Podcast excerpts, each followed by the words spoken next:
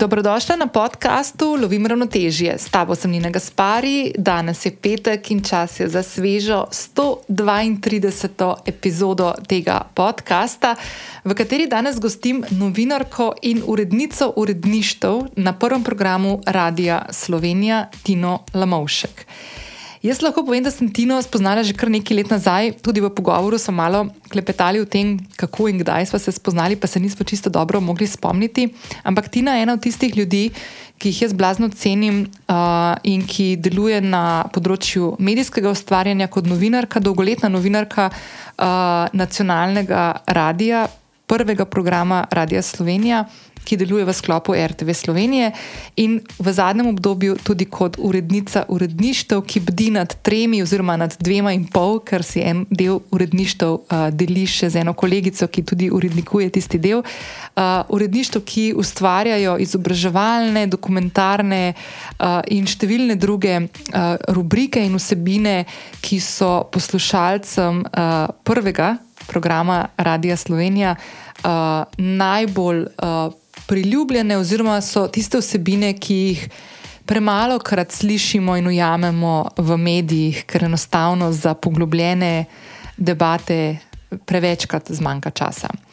Zdaj, v današnji epizodi, uh, ki smo jo med drugim s Tino snemali en dan po stavki novinark in novinarjev RTV Slovenija, ki se je zgodila v tem tednu, če to poslušaš v realnem času, se pogovarjava o številnih stvarih. Um, pogovarja se o vlogi medijev in zakaj je pomembno, da se tudi mi, državljanke in državljani, zavedamo pomena in odgovornosti, ki jo nosijo mediji v sodobnih demokratičnih družbah, še posebej javni servisi, kamor sodi tudi RTV Slovenija, da se zavedamo tega, da novinari in novinarke, urednice in uredniki programov, ki jih naprimer konkretno uh, pripravljajo tudi uh, na RTV Slovenija za nas, zakaj je to pomembno za nas, kaj skozi te programe dobimo. Vse preveč je, sploh v zadnjem času, še toliko bolj se razplementela neka debata o tem, zakaj plačujemo RTV prispevek, da je to čist brez veze za tiste novice, ki jih noben ne gleda in tako naprej. Dejansko temu ni tako. Pod RTV prispevek um, sodi ogromno enih stvari. Jaz lahko povem eno od primerov, pa boste potem še v pogovoru s Tino lahko slišali dodatne. Uh, tudi simfonični orkester uh, RTV Slovenija sodi pod to, da je plačan iz RTV prispevka in še in še. Um, Tina zelo nazorno tudi pove, kako poteka njihovo delo uh, in novinarjev, in urednikov na uh, Radiu Slovenija, kako se pripravljajo za to, da potem oddajo tiste vsebine, ki jih pripravijo skozi. Poglobljene uh, preverjanje informacij, izobraževanje na njih, na novinarke in novinarjev, ki te vsebine ustvarjajo na različnih področjih, od vesolja do spolnosti, do izobraževanja in tako naprej.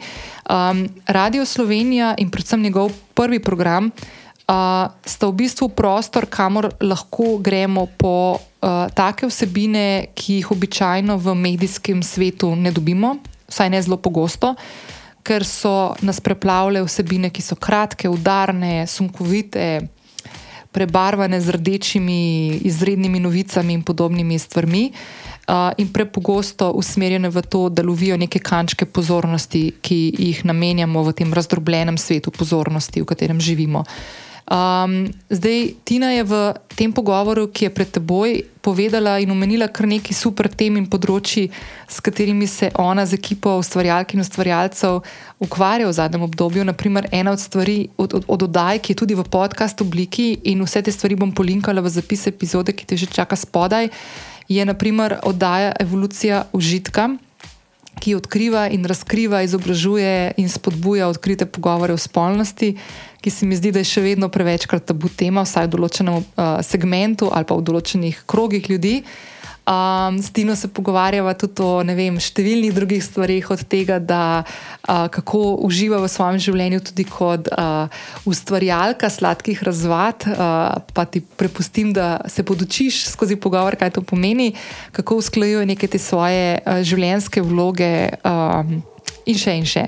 Ful mi je bilo prijetno, s Tino se že kar nekaj časa pogovarjava o tem, da bi to posneli in sem ful vesela, da nam je uspelo um, in da je Tina zbrala tudi. Uh, Dovolj energije za pogovor, uh, ki se je razvil. Uh, Tina je namreč uh, pretekli teden, ko smo imeli namen snemati, ujel COVID, uh, tako da so mal predstavili, ampak je super, da so predstavili, da so potem ujeli lahko v pogovor tudi ta, ta del na začetku, uh, ki je namenjen moji nenehni želji, potem, da tudi vam predajam neko svoje spoštovanje um, in ljubezen do medijev in do medijskih ustvarjalcev. Uh, ker se mi zdi, da se čist premalo zavedamo, uh, da svet brez medijev, ki kritično spremlja ne samo politike, ampak celotno družbeno uh, stvarnost, bi bil zelo usiromašen svet, ne bi bil svet, v katerem bi lahko funkcionirali vsak od nas na način, ki ga poznamo danes. Uh, pomen tega, da smo informirani, da se skozi medijske vsebine tudi učimo, da razvijamo neko kritično razmišljanje tudi sami je, je ključen del tega, da dovolimo medijem, da so svobodni, da delajo tisto, kar znajo delati, in da preprečujemo kakršnim koli upadom, pa naj bo to političnim ali pa gospodarskim. Mimo grede iz tega dela tudi jaz prihajam kot PR-ovka, ker se doskrat sem se srečala in soočila sama. Um, V dilemi, ko sem kakšno zgodbo od kakšnega mojega naročnika ali pa delodajalca poskušala uh, predstaviti novinarju ali pa novinarki, sem vedno se znašla v, ne vedno, zelo pogosto sem se znašla v precepu, da ne bi rada vplivala na njihovo delo, čeprav je kdaj bilo to tudi pričakovano strani tistih ljudi, ki so me najeli ali pa pri katerih sem delala. In sem se nekako vedno.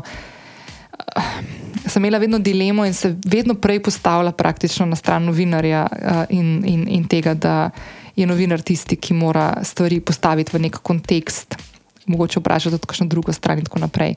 Vsega tega, kar smo mogoče malo pozabili v zadnjem obdobju, ko nas futrajo iz vseh koncev in krajev, kako so mediji, pa novinarke in novinari grozni. Pa ni temu tako. In sem fulj vesela, da smo del tega pogovora um, s Tino ujeli v, v tale mikrofon. Uh, in preden skočiva v debato, te vabim, kot vedno, da če še nisi prijavljena na podcast, dobim ravnoteže, to lahko storiš zdaj prek aplikacije, na kateri trenutno poslušaš to epizodo ali pa kakšne druge. Vedno sem vesela tudi ocen in mnen, ki mi jih lahko pustiš na podcast aplikaciji, ali pa te vabim, kot vedno, da se mi lahko oglasiš tudi v Instagram zasebno sporočilo, kjer se ti bom najhitreje odzvala nazaj. Zakaj to vedno ponavljam in poudarjam, in vedno nikoli ne začnem podcast epizode brez tega? Zato, ker s temi manevrčki, ki jih ti sprožiš na svoji strani, se pravi, da se prijaviš na podcast, da daš oceno, to so tiste zvezdice, da mi mogoče kakšno sporočilo pustiš. Uh, pomagaš, da za ta podcast in vsebine, ki jih z veseljem pripravljam za tole krasno občinstvo okoli podcasta, lovim ravnotežje, slišijo tudi te podobne ženske in moški. In kot sem rekla, tudi tokrat lahko spodaj v opisu že najdeš povezavo do zapisa epizode, kjer te čakajo vse tiste stvari, ki smo jih danes s Tino omenili v epizodi, in povezave, pri katerih lahko Tino in Radio Prvi na uh, Radio Slovenija spremljaš tudi v prihodnje. Uživaj v pogovoru s Tino uh, in se slišimo ob koncu pogovora.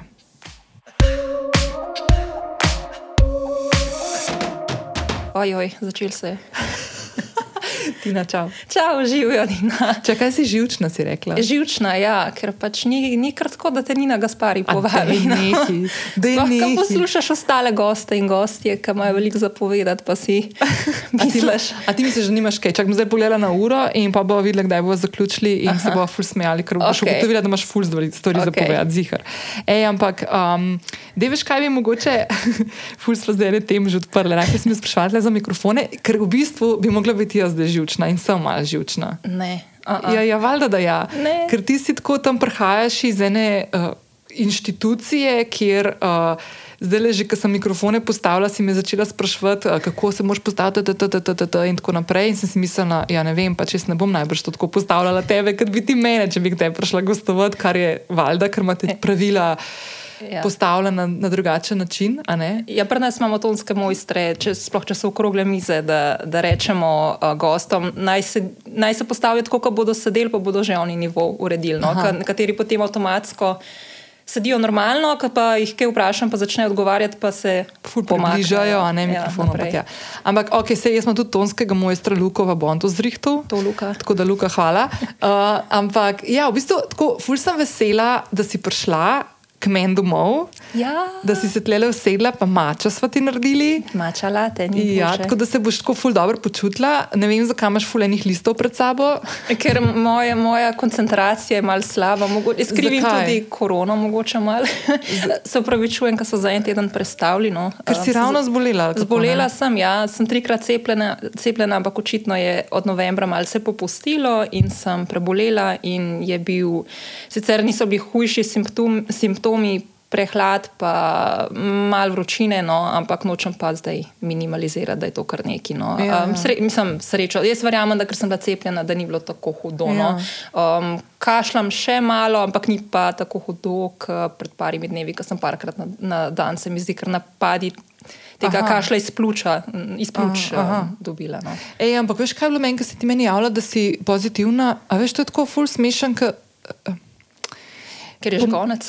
ja, ne, pa veš, pa Je, tudi, je. naprimer, jaz, ki sem tako bila, jaz ko zdaj za sebe lahko rečem, da sem bila kar tako obremenjena v tem smislu, da sem ena od tistih ljudi, ki sem ful resno imala to zadevo. Pač Ja. ni, ne zdi se mi tako neki zdaj tako za brez veze. Predvsem zato, ker, za, ker je šlo za te a veš, prenose z enega na drugega tako zelo na hitro. Uh -huh. Tudi tebe sem vprašala, a ti veš, kje si to fasala, pa. Ne. pa ne veš. Ne? Ne. No, in jaz, na primer, kolikor kolikor je bilo mene po eni strani strah, da me ta občutek tesnobe, ki sem ga imela zdaj zadnje mesece, ko se je začel malo odpirati, naprimer, in sem se znašla v nekem zaprtem prostoru, mm. polnem ljudi, in je bilo tako, oh, oh, a veš, in sem se mogla fulčekirati sama pri sebi, da je ni na uredu, je Ja. yeah. umir se ne. A veš, in sem se tako ful hitro sem pozabila, da smo bili dve leti v tem primežu, uh -huh. in pol, naprimer, zvem zate, pa še za dve. Ja. In mi je bilo tako, "Eh, kako. A veš, tako, ker res imaš občutek, res smo dali to na stran. Ja, ja, mene so tudi malo zafrkavali, kakšni, a si malo late to the, late to the party, a veš, kar sem šele zdaj dobila. Ampak ja, jaz se tudi spomnim, po moje, ena prvih. Eden prvih večjih dogodkov, ko sem šla, da je bilo več ljudi, je bil nek koncert v Cvetličarni in mene kar mal stiskalo, no, ko sem Aha. gledala Ja. ljudi, ki so se zabavali na polno in sem si mislila, da se pa ne bo dobro končalo. No, ni, ni se zgodilo, moja korona ni prišla po tem dogodku, ampak um, ja, je kar. Um, se, recimo, V službi smo do pred kratkim nosili skozi maske, um, imeli smo seveda razkožila skozi na voljo, v času res tiste stroge mm -hmm. uh, situacije.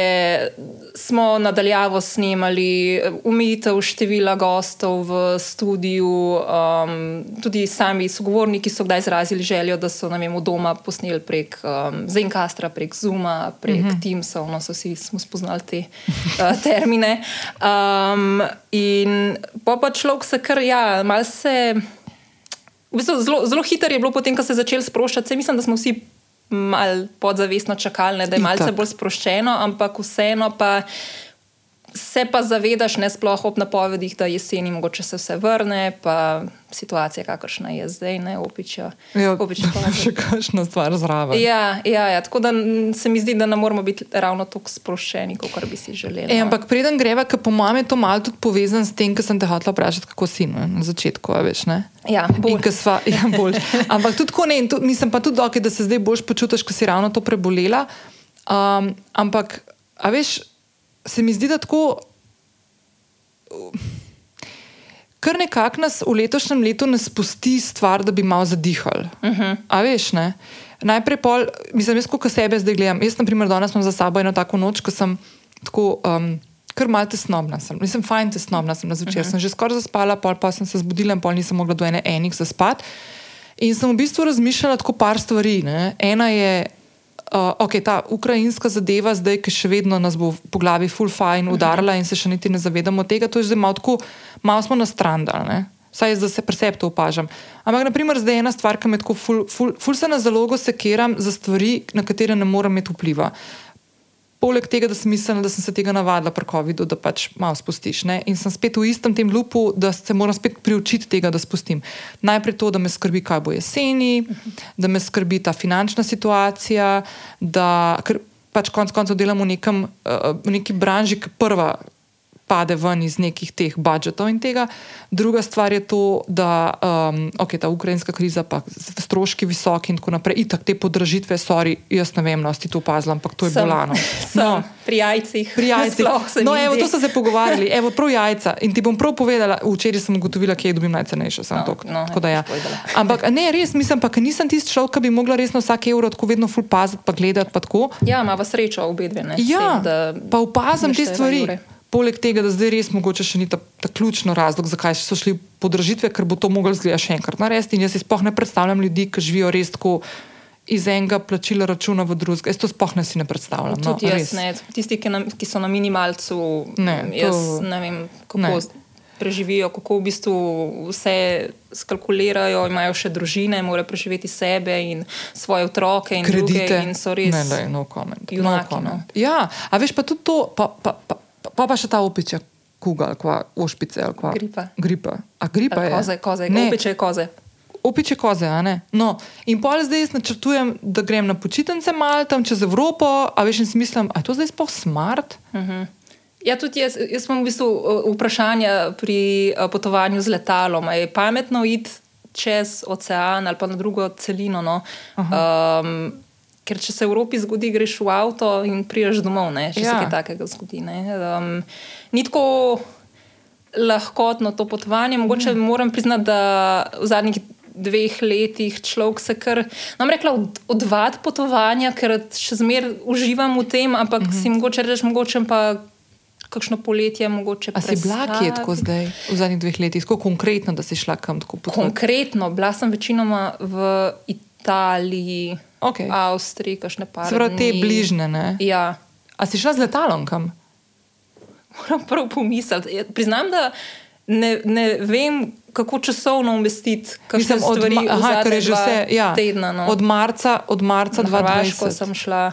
Ja. Ja, mogla, v bistvu zanimivo, smo mogla biti na Kitajsko marca 2020. Aha, pa Ja, nisi šla. pa ne, pa seveda zaradi tega. Ja, ja. dogodkov, ki so bili, pa se pa odpovedali. Pa Ja. Se prav spomnim, takrat smo spremljali, kaj, kaj to zdaj, ki se dogaja na Kitajskem. Vse bo mimo, vse bo mimo. Pa se pa sam domino efekt zgodil, no, pa, pa Šitek. vemo, kam je šel v svet. svet ja. No, jaz sem šla sam v Nemčijo z, z letalom, pa mi je bilo v bistvu tako fulne, mislim, mislim, je bilo fulne prijetno marca letos. Pa na koncu ni bilo tako nek zaloga, v bistvu je bilo tako zelo prijetno, čeprav s temi maskami. Pa tako, ok, nima veze, pač, ja. Čudni časi. Ja. Dej mi sam še to povej, glede na to, da si ravno kar, kar si to omenila prej, da imaš tele zapiske tlele narejene. Kaj boš kaj povedala? Piflerke. Ja, ne. To imam zato, da včasih kakšne besede, se pravi, v zadnjem tednu. po A opažaš to? Mam, se mi zdi malo koncentracija, ja, da, da moram malo premišljati. Pa, Mhm. -huh. Ni, ni tako hudo, no, ampak se pa opazam včasih, da par sekund rabim, da, Ja, ja, ja. da se spomnim kakšne besede. No, Tako. Dobro, ampak ti si kar vzam cajt, a veš, okay. pa tako, ali pa prelisti tam, spomni panike. Čez eno uro kasneje Ja. ne bom našla besedo. še vedno pri prvem vprašanju. Ja. Ne, ampak, veš, ker jaz sem to imela, um, jaz sem to imela to um, Jano Javornik lani. Mhm. Ne? Na podkastu, jaz ne vem, kako se moram malo kontaktirati, da vidim, kako je zdaj s, to, s tem njenim uh, uh Mhm. -huh. dolgim COVID-om, ampak takrat se prav spomnim, ja, pismo, prav, to, to je noro, to je res kar zgubila, je več sred stavka, misel. Ne? Uh Mhm. -huh. Mislim, ful, jaz si sploh ne predstavljam. In Sem glih zdaj smem, pre... po mojem, dva dni nazaj sem poslušala od New York Timesa, ta The Daily, ki so govorili o tem long COVID-u, veš, kako je to zdaj. Da v bistvu klinike odpirajo zdaj po svetu že za to, veš, za, za ljudi, ker je tega res veliko. To Pač ljudje ne morejo svojega, svoje službe upravljati, ne morejo z družino skrbeti. Ja, sej še ne vemo vseh posledic. Ne. Ne. Mislim, Ja. ja. Zdaj je pod narekovajih samo, samo dve leti. ne. Um, bomo videli čez 50 let, kaj, kaj to pomeni, ne. Ja. resnične posledice. Malej, ja. Ja. Ampak ja, ok, dej, zdaj kako si vas, po mojem, predelala. Ne? Ampak da veš kaj, mogoče bi tako mal, a se ti. Malo še nazaj. A si ti spomniš, kako so se mi da sploh spoznali? Jaz Sem prav razmišljala, ker, vem, ker sem pričakovala to vprašanje. Um, ampak ne, se, ne vem, zakaj imam čutek, ali prek uh, Darje. Uh, Pograjca, ne? Po mojem, ja. Dar je tvoja sodelavka. v Sodelavka, bistvu, moja ne, na- sodelavka. Na Ja. radiju, ja. Imam čutek, ali pa na kakšnem dogodku, Darja se zmajo. Ma, da, ma, družila Darja se zmaja, nekaj ja, časa po- so šolke, pa to ja. Pa itak so se potem tudi službeno srečevali. Ja, no, ja, tako. ja. Okay, ja. No, ampak ti v bistvu si oseba, s katero, ja, sva, sva se mi dve tudi tako službena, čeprav ne spana se, da bi neki tako mi dve konkretno kaj tako. Ampak ja, okay. Občasno, no, so se pa tako, ja. Ja. Kdaj si kakšno stvar dobila od mene, kako po e-mailu, kakšno zgodbico, pa tako, Tako. ja, ja, valjda. Ne, ampak drugače tako. Mm, da je mogoče tako, da dava če sem ta kontekst, um, kdo, kdo je Tina, pa kaj, kaj počne v življenju. Še eno težko vprašanje.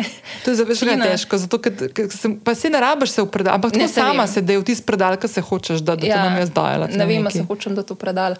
Um, mislim, ne, uh, se mi zdi, ja, če se dam, up, to je spet ta, ne, veš, imamo ženske težave s tem, a če se damo v nek predal, a bom. Pa moš tam ustati. Pa, a, a, a moram tam ustati, ali pa a, um, live up to it. A, a res si zaslužim ta predal? Ja, a ne, sem da jaz toliko zdaj strokovnjakinja, da bi bila- ja, ja, ja. ja. kot si govorila, ne, da ženske, koliko že Ja. ja. za devet, moramo znati, da se počutimo sposobne, ja. moški pa za šest. Ne. Ja, ja, ja. Jaz imam zelo težave s tem. Pa, Okay. Če karkoli povem, si mislim, da se je povedal, da je tako ne vem, da sem Vsi me bojo razkrinkali, ali Vsi me bojo razkrinkali. Uh, druge, ki poslušam, tako so neverjetni. Wow, jaz bi kar poslušala skozi zase, pa si mislim, pa kdo bi mene poslušal. Se, zato sem pa tudi reagirala na povabilo za podcast, kot sem. ke- Kako? Smej se Ja. zdi, da si bila ful za. Ne, se sem uh, full vesela, bila, ampak uh, potem je, jaz ja, sem tako, taka, zakaj sprejme jaz? mene stvari, pa pa na pol me tesnoba daje. Ojoj, no, ne, mravljinci, težko diham, uno, a bom v redu izpeljala vse, a bo to en um, fail, a bo si Nina mislila, joj, Ja, nisem ja, kar spustila to epizodo. Kaj sem zdaj hotela reči? Prej sem rekla, ti sam rdeče čevlje, da je gor, pa bo fokus čist druge. Tako, eto. Res je, sicer pač, ja, pa mogli vid, ampak video ja. podcast, ne, Ja, še ja, enkrat ja. čestitke, ne, še za Oh, thanks, ja, skok ja, ja. v video vsebine. Ja, ja, občasni skok v video. Ja, ampak glede ja, na mojo frizuro, danes je bolj, da je sam audio. enako. ja. No, ampak da je tako res. Tako, za, za poslušalke, ki Ja. ja. mogoče te mogoče po imenu ne poznajo, Ja. ja. mogoče kažete pa po glasu spoznajo. Mogoče pa je. En- Enkrat se mi je zgodilo, da sem šla v Goriška brda. Pa sem, res? ja, pa sem češnje nekje kupila. Pa sem pač povedala, da ja, tukaj sem Tina Lamovš. Sem vas klicala Tina Lamovšek, sam prevzet sem prišla češnje. Sem rekla, ste vi na radiju? Jaz sem, Wow. wow. A ni to, a ni to noro? Noro, ja, ker po eni strani je smešen, ker ti smo v studiu, ki si ali sam ali pa z gosti, je dosti intimen občutek. Ne, ne veš, da na drugi strani te 200 tisoč, 300 tisoč ljudi Ja. lahko slišiš. Ej, ampak to ti moram pa zdaj povedati. Sorry, zdaj ful skačam, ampak nima veze. Lej, jaz sem imela zdaj le. Veš, ko sem ti rekla, da sem bila zdaj v zadnjem obdobju na parih takih dogodkih. Tako, uh -huh. Mislim, da je bilo zdaj kakšen teden, dva nazaj. In sem je v bistvu. Veš, jaz sem s tem podcastom začela tik preden se je COVID začel. In pa se je začel COVID in smo pač bili zaprti doma, vse smo hodili okrog, ampak ne tako, da bi se neki družili po nekih dogodkih. No, in sem zdaj v bistvu prvič opazila. Um, ne, tako kot ne rečem, da ne bo, da ne, bo tudi, ma ne samo všečno, veš, to je spet ta ženska, jo, da ne zdaj mislim, da sem tle neki. Kaj se si domišljam, da sem, Ja, ja, ja, ja. Ne, ampak veš, tako pridemo v neko okolje. In opazim, naprimer, da me ljudje, se, se pristopijo drugače, tudi ljudje. Pa tudi, pa, jaz sem že tudi to imela, da me po glasu spoznajo. se še petanje začne. Ne, ne, ne, niti ne to, ampak vidiš, vidiš uh, poglede uh -huh. na sebi, pa na smeške, uh -huh. ki te ljudje prepoznajo, ki stopiš v okolje. Kar je fulj zanimivo, zato ker medij, zaradi katerega mene te ljudje prepoznajo, je medij, ki, ni fokusiran, ki sploh ni fokusiran na vizualni uh -huh. del. veš. In mi je to zanimivo. Druga stvar je pa ta, da se zdaj prvič, pa imam občutek, da to delam zdaj, zdaj že forever, ampak prvič zaradi tega, ker smo bili toliko časa zaprti in se niso te stvari odvijale, imam prvič občutek, da se nekje pojavljam v neki drugi vlogi, kot sem se mogoče prej, ko sem se v, druga, v drugih, uh, zaradi drugih razlogov pojavila uh -huh. v kakšnih krogih. Ja. In mi je tako. Ful mi je fajn, v bistvu mi je tako lepo, mi je meni je ful lepo, če kdo pristopi zdraven, pa pove, ali pa da pomaha, ali pa reče, hej, to pa to. Meni je naknadno pa na. Instagram ti piše, ne, siguren. To je ful tega, ampak ja, to, to itak sem ful tudi zato vesela, ampak sem pa ful, ful še toliko bolj vesela, če me kdo tako pristopi in pove. Ja. A Ja. veš, reče tako, ne vem, se spomnim, me zdaj, kakšen mesec nazaj, me je ustavila ena, ena ženska punca, me je ustavila na, na, skoraj da na preširnem trgu, pa je rekla, da me sestro ful poslušata. Pa mi je tako ful lepo. Oh, A veš, tako najprej te ustavi, ne veš, ali se poznaš, pa to pa, pa tako, mi je ful lepo, ker da Ja. je podcast poslušam, ful mi je to fajn. Da si vzame čas, ne, pa v bistvu Ja. za poslušanje podcasta, zato da pač pristopi do Ja. tebe. Pa v bistvu ti veliko pomeni. no, Ja, kakor- ja, ja. Pa če bi stokrat slišal, se vsakeč, um, mislim, saj meni bi se. Pa, Pa ne, itak se ti ja. fajn se ti zdi to, fajn, no. itak se A fajn. veš. Ja, ja, ja, itak, itak. Tako da. To, to je lepo. Tako da Ja, ne boš mi šla, torej Tina je. Sem Si upala, da sem speljala malo. Tina je, um, zdaj ne, to ni vrstni red, ampak se Mhm. menjajo vloge. Je Ženska partnerka, hčerka, novinarka, urednica, um, Crazy Cat Lady, bi rekel Miha Rekar, živijo, živijo Miha, moramo ga omeniti. Ja, ja. Ste dobili Da dam- sporočilo. Da dam kontent za Instagram story. Ja, ja. Ne, se ne hecam. Pa še objavil eno fotko Toblerona, ta 4,5 kilskega. Danes sem videla. Ja. Uh, ja, v redu, um, back to me.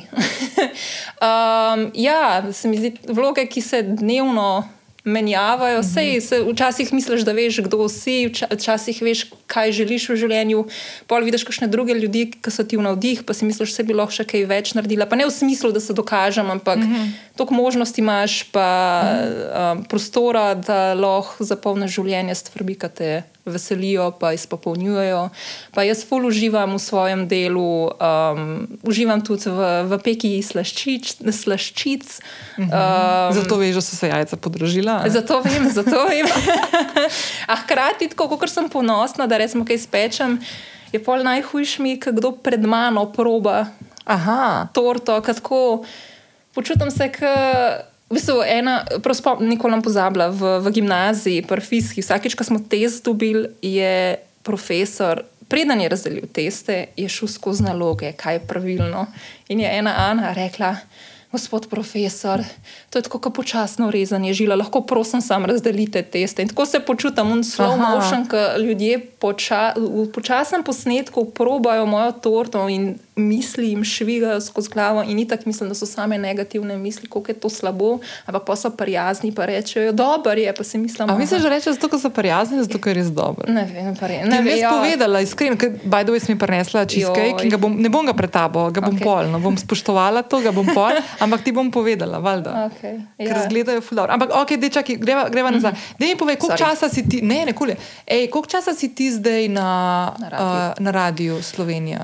Uh, Ti si že od faksa naprej. pol ja, ne? junija, ki bo kmalo, uh, bo 12 let v bistvu. Ja, Wow, ja, ja okej. v bistvu resno. Um, ampak nimam, občut, nim- nimam občutka, da sem že toliko časa, ker sem v bistvu različna uredništva menjavala. No, v bistvu začela sem v dnevno aktualnem programu. Ampak vedno je bilo na prvem programu. Na vedno na prvem, ja, By the way, na prvem programu Radia Radia Slovenija, Slovenija. to ni Radio 1. Tako, ja, hvala. Ja, okej. Hvala.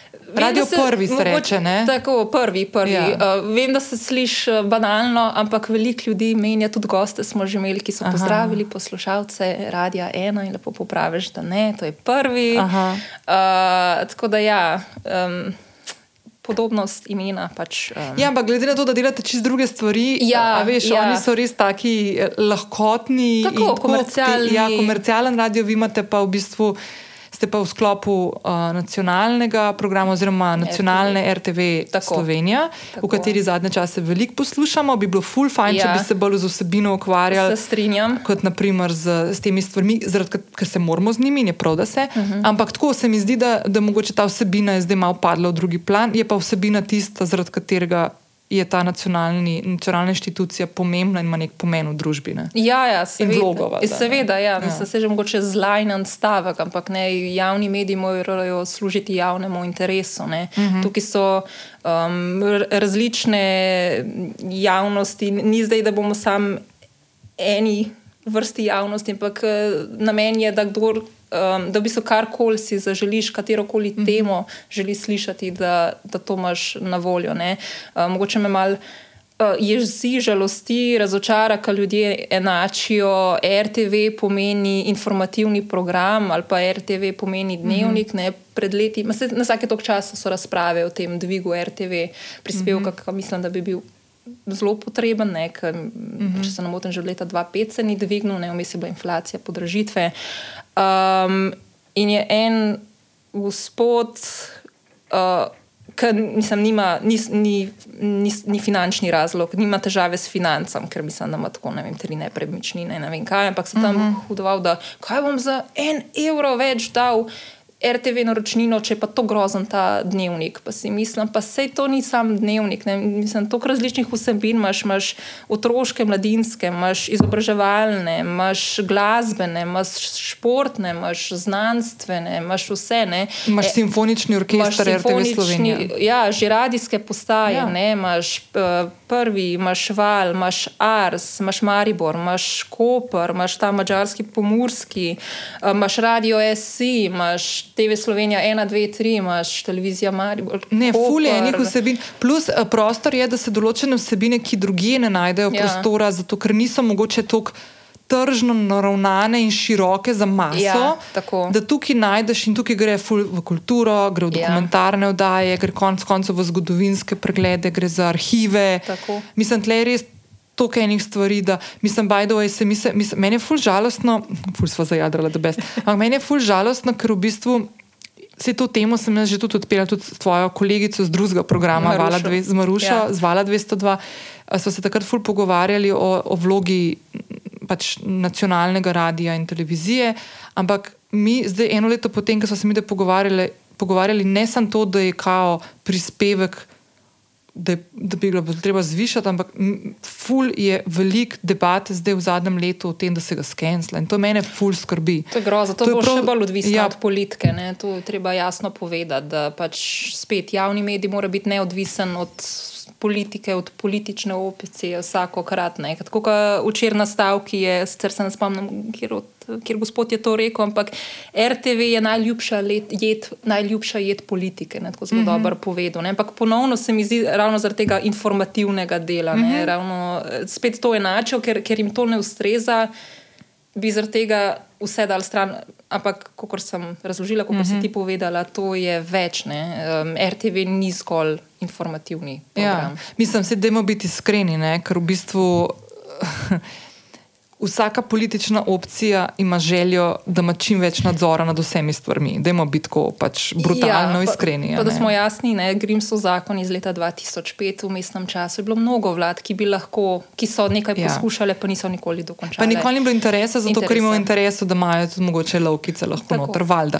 In mene eh, ful zanima, ti kar zakašli, mene ful zanima res, kaj se bo zdaj dogajalo, ker konc koncev uh, iluzorno je pričakovati, da bo zdaj pa kar vse, vse, v, vse, vse v redu in vse kul, čeprav je tako občutek. Um, ampak ja, je treba te stvari spremljati, je treba gledati pod prste um, vsakmu, ki pride na oblast. Ampak glih to, kar se zdaj pogovarjava. Mm, mi dve se zdaj pogovarjava en dan potem, ko je bila stavka uh -huh. uh, na RTV, to je bilo ponedeljek, mi uh -huh. se tukaj zdaj torek. Um, ti si na radiju, na prvem programu Radia Slovenija v vlogi urednice uredništv. Tako, Kaj to pomeni? Treh različnih. Ja, pred leti so se združila, uh, še preden sem jaz nastopila to funkcijo, so se združila, torej sem urednica. Zajamem dih. Izobraževalnega uredništva, dokumentarno-feltonskega uredništva in programa za mlade, ampak ker gre za obsežna uredništva, v bistvu ta program za mlade je prevzela Špela Šebenik, ona uh -huh. uh, koordinira to, je tudi več let tem, na tem področju in uh -huh. tudi bolj vsebinsko ne, skrbi za to. Uh, Uh, je v bistvu, uh, kaj pomeni biti urednik. Uh, še, še zmeraj upravljam novinarsko delo, kar se mi zdi ključno, da urednik je tudi novinar, kot se le da, no? mogoče mm -hmm. ne v istem obsegu kot prej, ker mi še zmeraj pomembno, da ohranjaš stik s, s, to, um, s, s tem delom, da tudi razumeš, uh, kaj tvoje uredništvo, ko rečejo, da pripravljajo neko oddajo, kaj vse to zaobjema. Ne? Da, -hmm. um, nekdo, ki, če reče, ne vem, nekdo ima za informativni program prispevek, ki je minuto pa pol, ki, ki samo minuto pa pol, ampak veliko dela tudi, tudi uh mhm. -huh. časa vzame priprava, ali pa na drugi strani ima oddajo intelekta, ki je 45 do 50 minut dolga in to pomeni posneti 3-4 sogovornike z vsakim. Poprečju pol ure do 40 minut, ponavadi se razgovori, in potem je treba napisati nek tekst, um, pravilno, pravimo kar scenarij, mhm. -huh. pravilno umestiti, um, smiselno, ne pravilno, smiselno umestiti um, izjave, da vse lepo tekoče poteka, z, um, v dogovoru z, gla, uh, z glasbenim urednikom tudi um, musko, torej glasbo, mhm. -huh. instrumentalno glasbo noter dati potem iti v studio, v montirnico, kjer s tonskim mojstrom oblikuješ uh, oddajo in seveda priješ tja pripravljen um, s printanim tekstom za tonskega mojstra, da tudi lažje sledi, kako uh -huh. poteka oddaja. In na koncu izpolniš tako imenovano otr, uh, elektronsko srajčko, da napišeš torej, uh, ime oddaje, uh, da je bo objavljen v tisti termin, daš naslov, opis oddaje, potem za 4D oziroma 365, se izvoz pa v podcast. Uh, mhm. Potem, seveda, imamo tudi um, izsek za program, da, da mhm, opomnimo da poslušalce, mhm. da so včasih je za podcast uh, še daljša različica, nekaj tako veliko posnameš. Uh, potem še na Facebook daš, tako da je v bistvu kar velik dela. No, kot se misli človek, samo ena vdaja, 45 minut na ti, kar lahko cel teden skoraj vzame časa, ampak zaradi kadrovske. Um, zaradi kadrovskega manjka, seveda, ni, nimaš tega luksusa, no, da bi se ja. en teden sam za eno vdajo uvadil. Ja, moš več stvari pa še vmes, ki pridejo. Uh mhm. -huh. Ampak zdaj ti, če uh, to. Vodiš ta tri področja, oziroma dve, pri enem ti pomaga kolegica, uh mhm. -huh. ampak nobeno od teh področji, če sem zdaj prav razumela, ni tisto, pa me popravi, če bom na robe rekla, ampak ni, naprimer, dnevno informativni, ki si prej rekla, da ljudje imajo to zmotno prepričanje, Ni, uh, gre za uh, daljše vdaje, ampak vsem pa delamo tudi za informativni program. No? Se je v bistvu ponovno intelektu izpostavlja. Um, včasih tudi naredimo torej, napovedni prispevek eh, za intelekto, da potem v drugi jutranji kroniki ljudje, uh mhm. -huh. torej minuti pa pol slišijo o neki tematiki, problematiki in potem jih povabimo k poslušanju uh -huh. um, intelekte, ki bo pač po desetim na prvem. Ja, ja, ja. Um, ja, da se še vrnem na delo urednika, pač jaz v bistvu delegiram delo, usklajujem, določam, razporejam, kako bodo novinari delali.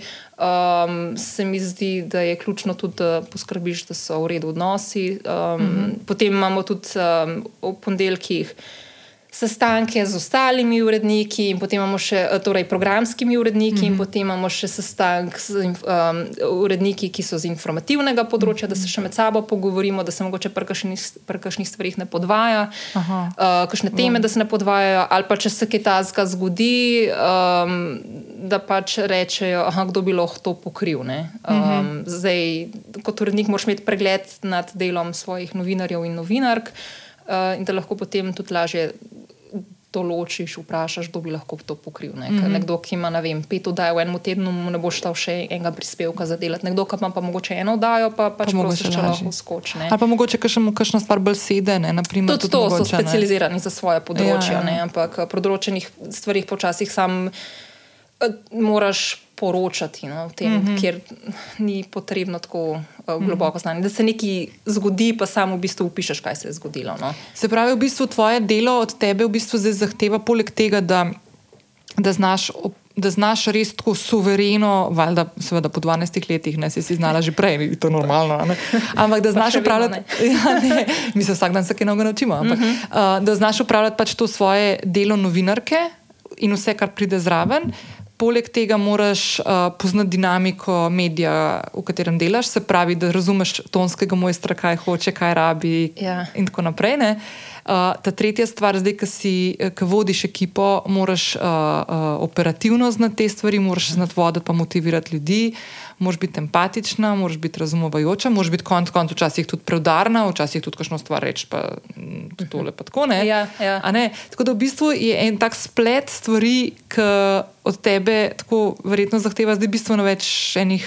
Prilagajanj in, in dela. In... Ja. Čeprav sem postala vrnica, sem si rekla, kako se klišejsko sliši, nikoli nisem pozabila, uh, kako je bilo, ko sem bila novinarka. V smislu, da mhm. vse ne razumeš, ta odnos, kako je biti novinar, torej od, od, odnos novinarja do svojega urednika ali urednice, ali pa obratno, da si ti, mm -hmm. da ne enkrat sem pa jaz urednica.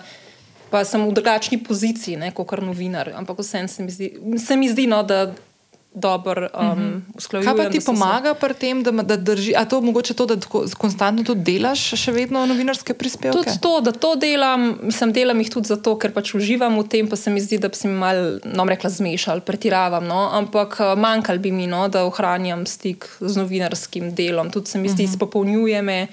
Um, uh -huh. Pa se veliko naredim kot urednica, ampak ne vem, mogoče pa ta težava, da vse mora imeti neki na papirju ali v etru, da, da neki fizični, aha. neki, aha, zdaj sem pa nekaj naredila, zdaj pa šteje. Če imaš pa spet po narekovaj, samo sestanke, pa samo nekaj ja. usklajuješ, pa delaš.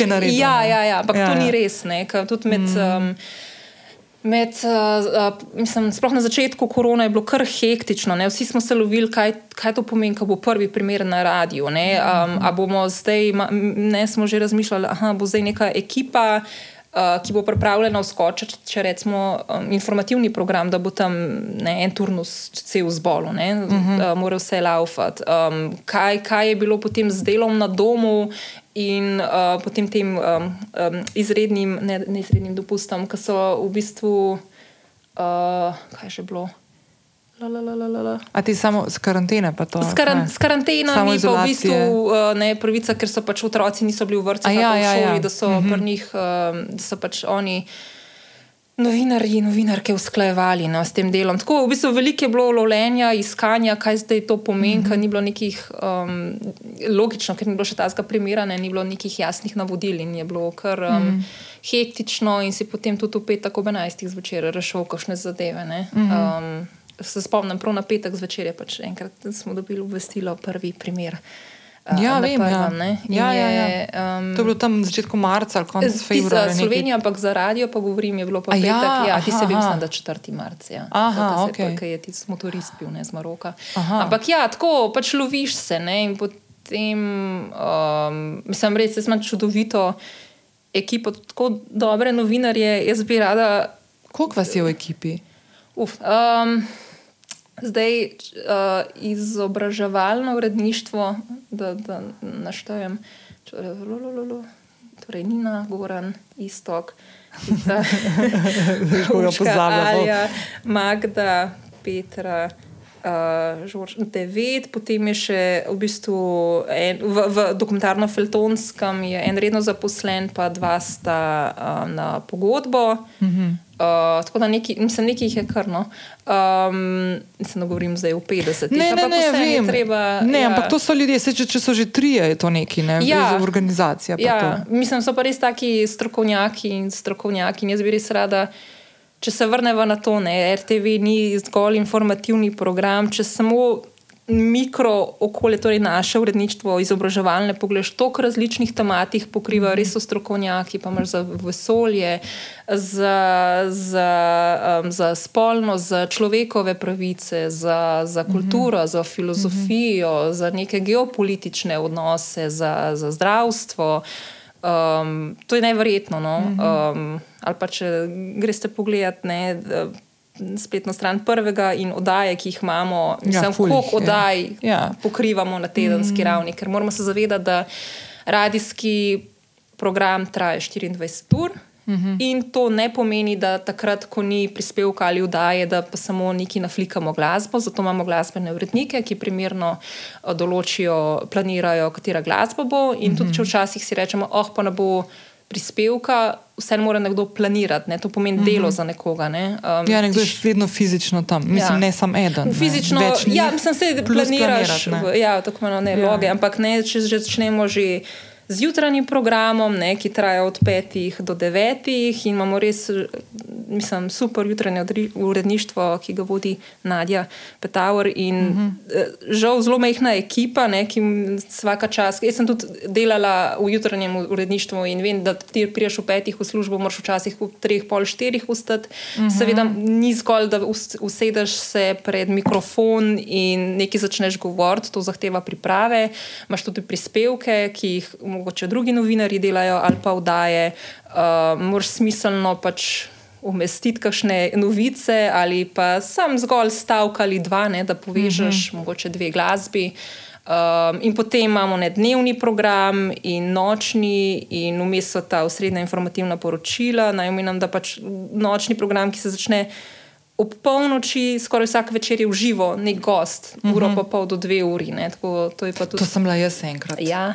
To se spomnim. Ja. Čakaj, ampak sem bila zraven. Bila si še zraven. Enkrat sem bila ja. enkrat, enega gosta. Točno, nekaj je bilo. Iz, ja. a, druž, ta družina družini prijazno podjetje. A, točno, um, ja, Aleš Kušljan. Ja, ja, ja. To, to prvi, to, mimo grede, to je moj prvi naročnik. A ja? Od prvi naročnik, ki sem šla na podjetniško pot. In to je edini razpis, na katerega sem se v življenju prijavila, da sem dobila nek projekt. Wow. Res. No. In mi je bilo full fine z njimi delati. Ja, tak ne, lep projekt je je bil. bil. Ja. Ja. Vse še vedno teče, se mi zdi. No. Ja, ja, ja. Ej, ampak veš, kaj sem te hotela vprašati? Koliko je, kaj, um, zdaj, ki si govorila tudi to, da se pač pripravljaš, pa te prispevke, pa vmes ta vezni tekst, ko greš med eno musko in dru, mislim, enim komadom drugim in tako naprej. Koliko je prostora na enem takem programu, kot je Radio Prvi, uh, za uh, spontanost oziroma za kakšne te. Go with the flow. Um, Če nisi Miha Šalehar. ne, Ki je na valu voditelji- 202. Ja, ja, voditelji, Okej. ja, voditelji imajo, ne, spon, mm -hmm. so lahko spon, mislim, spontani. Kilometrina ti da Itak. samozavest. Ne. Jaz se spomnim, ko sem se usedla prvič v eter ali pa imela oddajo, strogo gledala tiste liste, vprašanje zastavila, po mojem, sploh gosta Ja. nisem poslušala, Ja, ker ja, sem ja. sam skoncentrirana bila, ok, zdaj bom pa drugo vprašanje zastavila. In potem, ko se navadiš tega, se naučiš odreagirati, se naučiš uh, nekaj zanimivega povedati, ker tudi tehnik ti včasih reče, jo še minuto ali pa pol minute do konca, ali lahko še 15 sekund nekaj govoriš, da mi je treba z drugo glasbo zaštartati, mm -hmm. ker potem se, ne vem, informativni program začne. Ne? Ja, ja, ja. Um, ali pa mislim, tudi, zahteva tudi brzino. Ne? Spet, uh, čeprav recimo v naših uredništvih večinoma imamo daljše vdaje, na katere se vnaprej pripraviš, pa posnameš.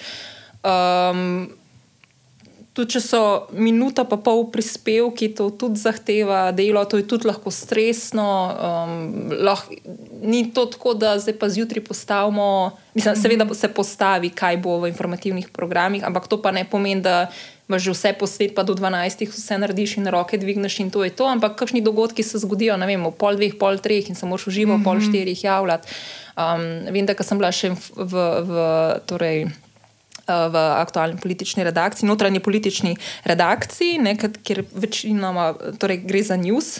Um, sem mogla pokriti en dogodek, um, mislim, da je bilo uh, državna proslava, tista um, alternativna.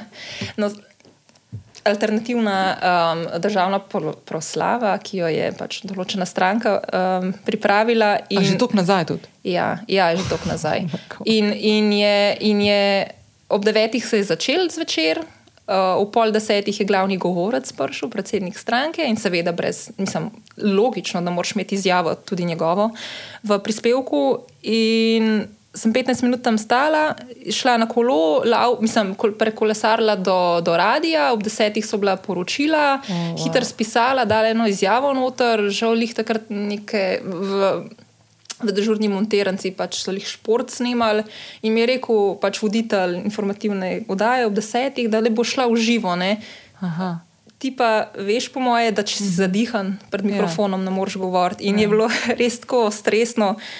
Voditelj prebral napoved, jaz sem samo vdihnila, prebrala. Mislim, ni bilo tako malo teksta. No, prebrala, spustili smo izjavo, jaz sem se tako vdihala, na glasno, pa, pa spet še par stavkov povedala in to je bilo to. Mislim, to kar stres lahko. Um, Mislim, da je novinarski poklic eden od bolj stresnih poklicov. ne? Ja, definitivno. Mislim, ravno zaradi tega, ker imaš ti temperanje. Plus Ja. še ena stvar, ne? lepota podcasta in jaz si ga tudi tako želim vedno nastavljati, da tudi vedno, ko pa Luka tu pošljem, rečem, le Luka, če res kaj tazga, tam le smo nekaj ustavili, pa to, da je pol tam mal pogled, pa zmontiraj, ampak drugače pa hočem pustiti ta pogovor takšen, kot je. Zato, ker se mi zdi tako ful lepo, pa spontano, pa res, ko daš občutek nekomu, ki to posluša, da je z nama na kafetu. Ja. Ker, naprimer, uh, je pa res ne, da ko pa moram kdaj pripravljati, kakšne, pa zdaj lahko je to tekstovno, lahko je video ali pa avdio, vse vse, ker si omejen ali časovno ali pa v znakih. Maj, krajše kot je, Ja. v kjerkoli formatu, je meni ful večji izziv to narediti. je, pa še to odgovornost imaš, da nočeš Iz konteksta. iz vzeti, ne. konteksta vzeti. Ja. Ja. Nočeš nekaj zmanipulirati, nočeš, da verjamem, da tudi sogovornik. Zdaj, z katerega koli področja prihaja, noče, da je njegova izjava uporabljena na drugačen način, kot je on mislil. ne. Zdaj, pa, če si omejen minutažno, pa res Ja, ja. probaš čim bolj slediti Valjda, tej ja. misli, ki jo je imel. ne. Um, ja, je pa se, no, spet prednost radija, da imamo seveda tudi daljše oddaje, kjer lahko gosti govorijo. Ja. ja, sicer ne, ne, neomejeno, ne, ampak ja, um, ja. je pa jaz se strinjam, podcasti so neki super. A se ti spomniš svojega prvega prispevka? Uh, prve reportaže se spomnim okay. o, Ljublja, o Ljubljanski uh, živalski vrt. Okay. Ja, spomnim se tudi, da sem imela anketo o erektilni disfunkciji, enkrat sem mogla na, na cesto. Ma, na cesto, sprašuješ? Mislim, ja, anketa. Pač na začetku, ko prid, prideš, itak, um, kot študentka, sem bila asistentka jutrnim voditeljem, Ni, nisi vsak dan zaradi študijskih obveznosti. No? Nisi vsak dan na radiju, potem s časom uh, ankete začneš delati, ker pri anketah um, uh, lahko snemaš, ampak se te ne sliši. Torej, ker nisi še šel na govorni tečaj govorno šolo, ki pri nas traja eno leto, ki Aha. imaš um, teoretični in torej praktični del, učiš se izgovorjave, pravilne, kako naglasiš. Hkrati pa imaš praktični del, ki te učijo, kako brati, kot da govoriš. Seveda boš informativni prispevek drugače prebral, kot pa neko reportažo, ki je bolj mm -hmm. sproščena, ki je bolj osebna. Ne, mm -hmm. ta, ker, če, paš, če bi pa vse enak prebral, pa tudi ne bi bilo. Ja, bi se no. videl, da je izumetničen. Tako da ja, pa se pa spomnim, sem mogla enkrat iti to. bil je sestanko redniški, pa pejmo to anketo na res, kdo bo šel, jaz sem dol gledala, prosim, ne jaz. Ti na pet ti. in pol so bili ja, tako smešni, eni niso vedeli, kako. Uh, eni, aha, erektil, to je neki gor, disfunkcija, to pa neki ni v redu. to je neki dol. to je pa neki dol, ja, ja, ja take stvari. Tako da v bistvu se ja, reportaže prve se spomnim. Okay. Ja, ja, Hudo. Ja, ja, ja, jaz se spomnim, ker sem. Jaz se spomnim, ko sem prišla na, kot študentka na finance delati. A to veš, da sem jaz na finance mhm. -huh. delala. In sem takrat se spomnim, sem prišla k Petru Franklu, ki je še zdaj direktor financ, pa mislim, da je še nek urednik, ne ni odgovorni, ampak no, neki, da nam kaj narobe rekla. Ampak, glavno. In takrat so finance glih prešle na.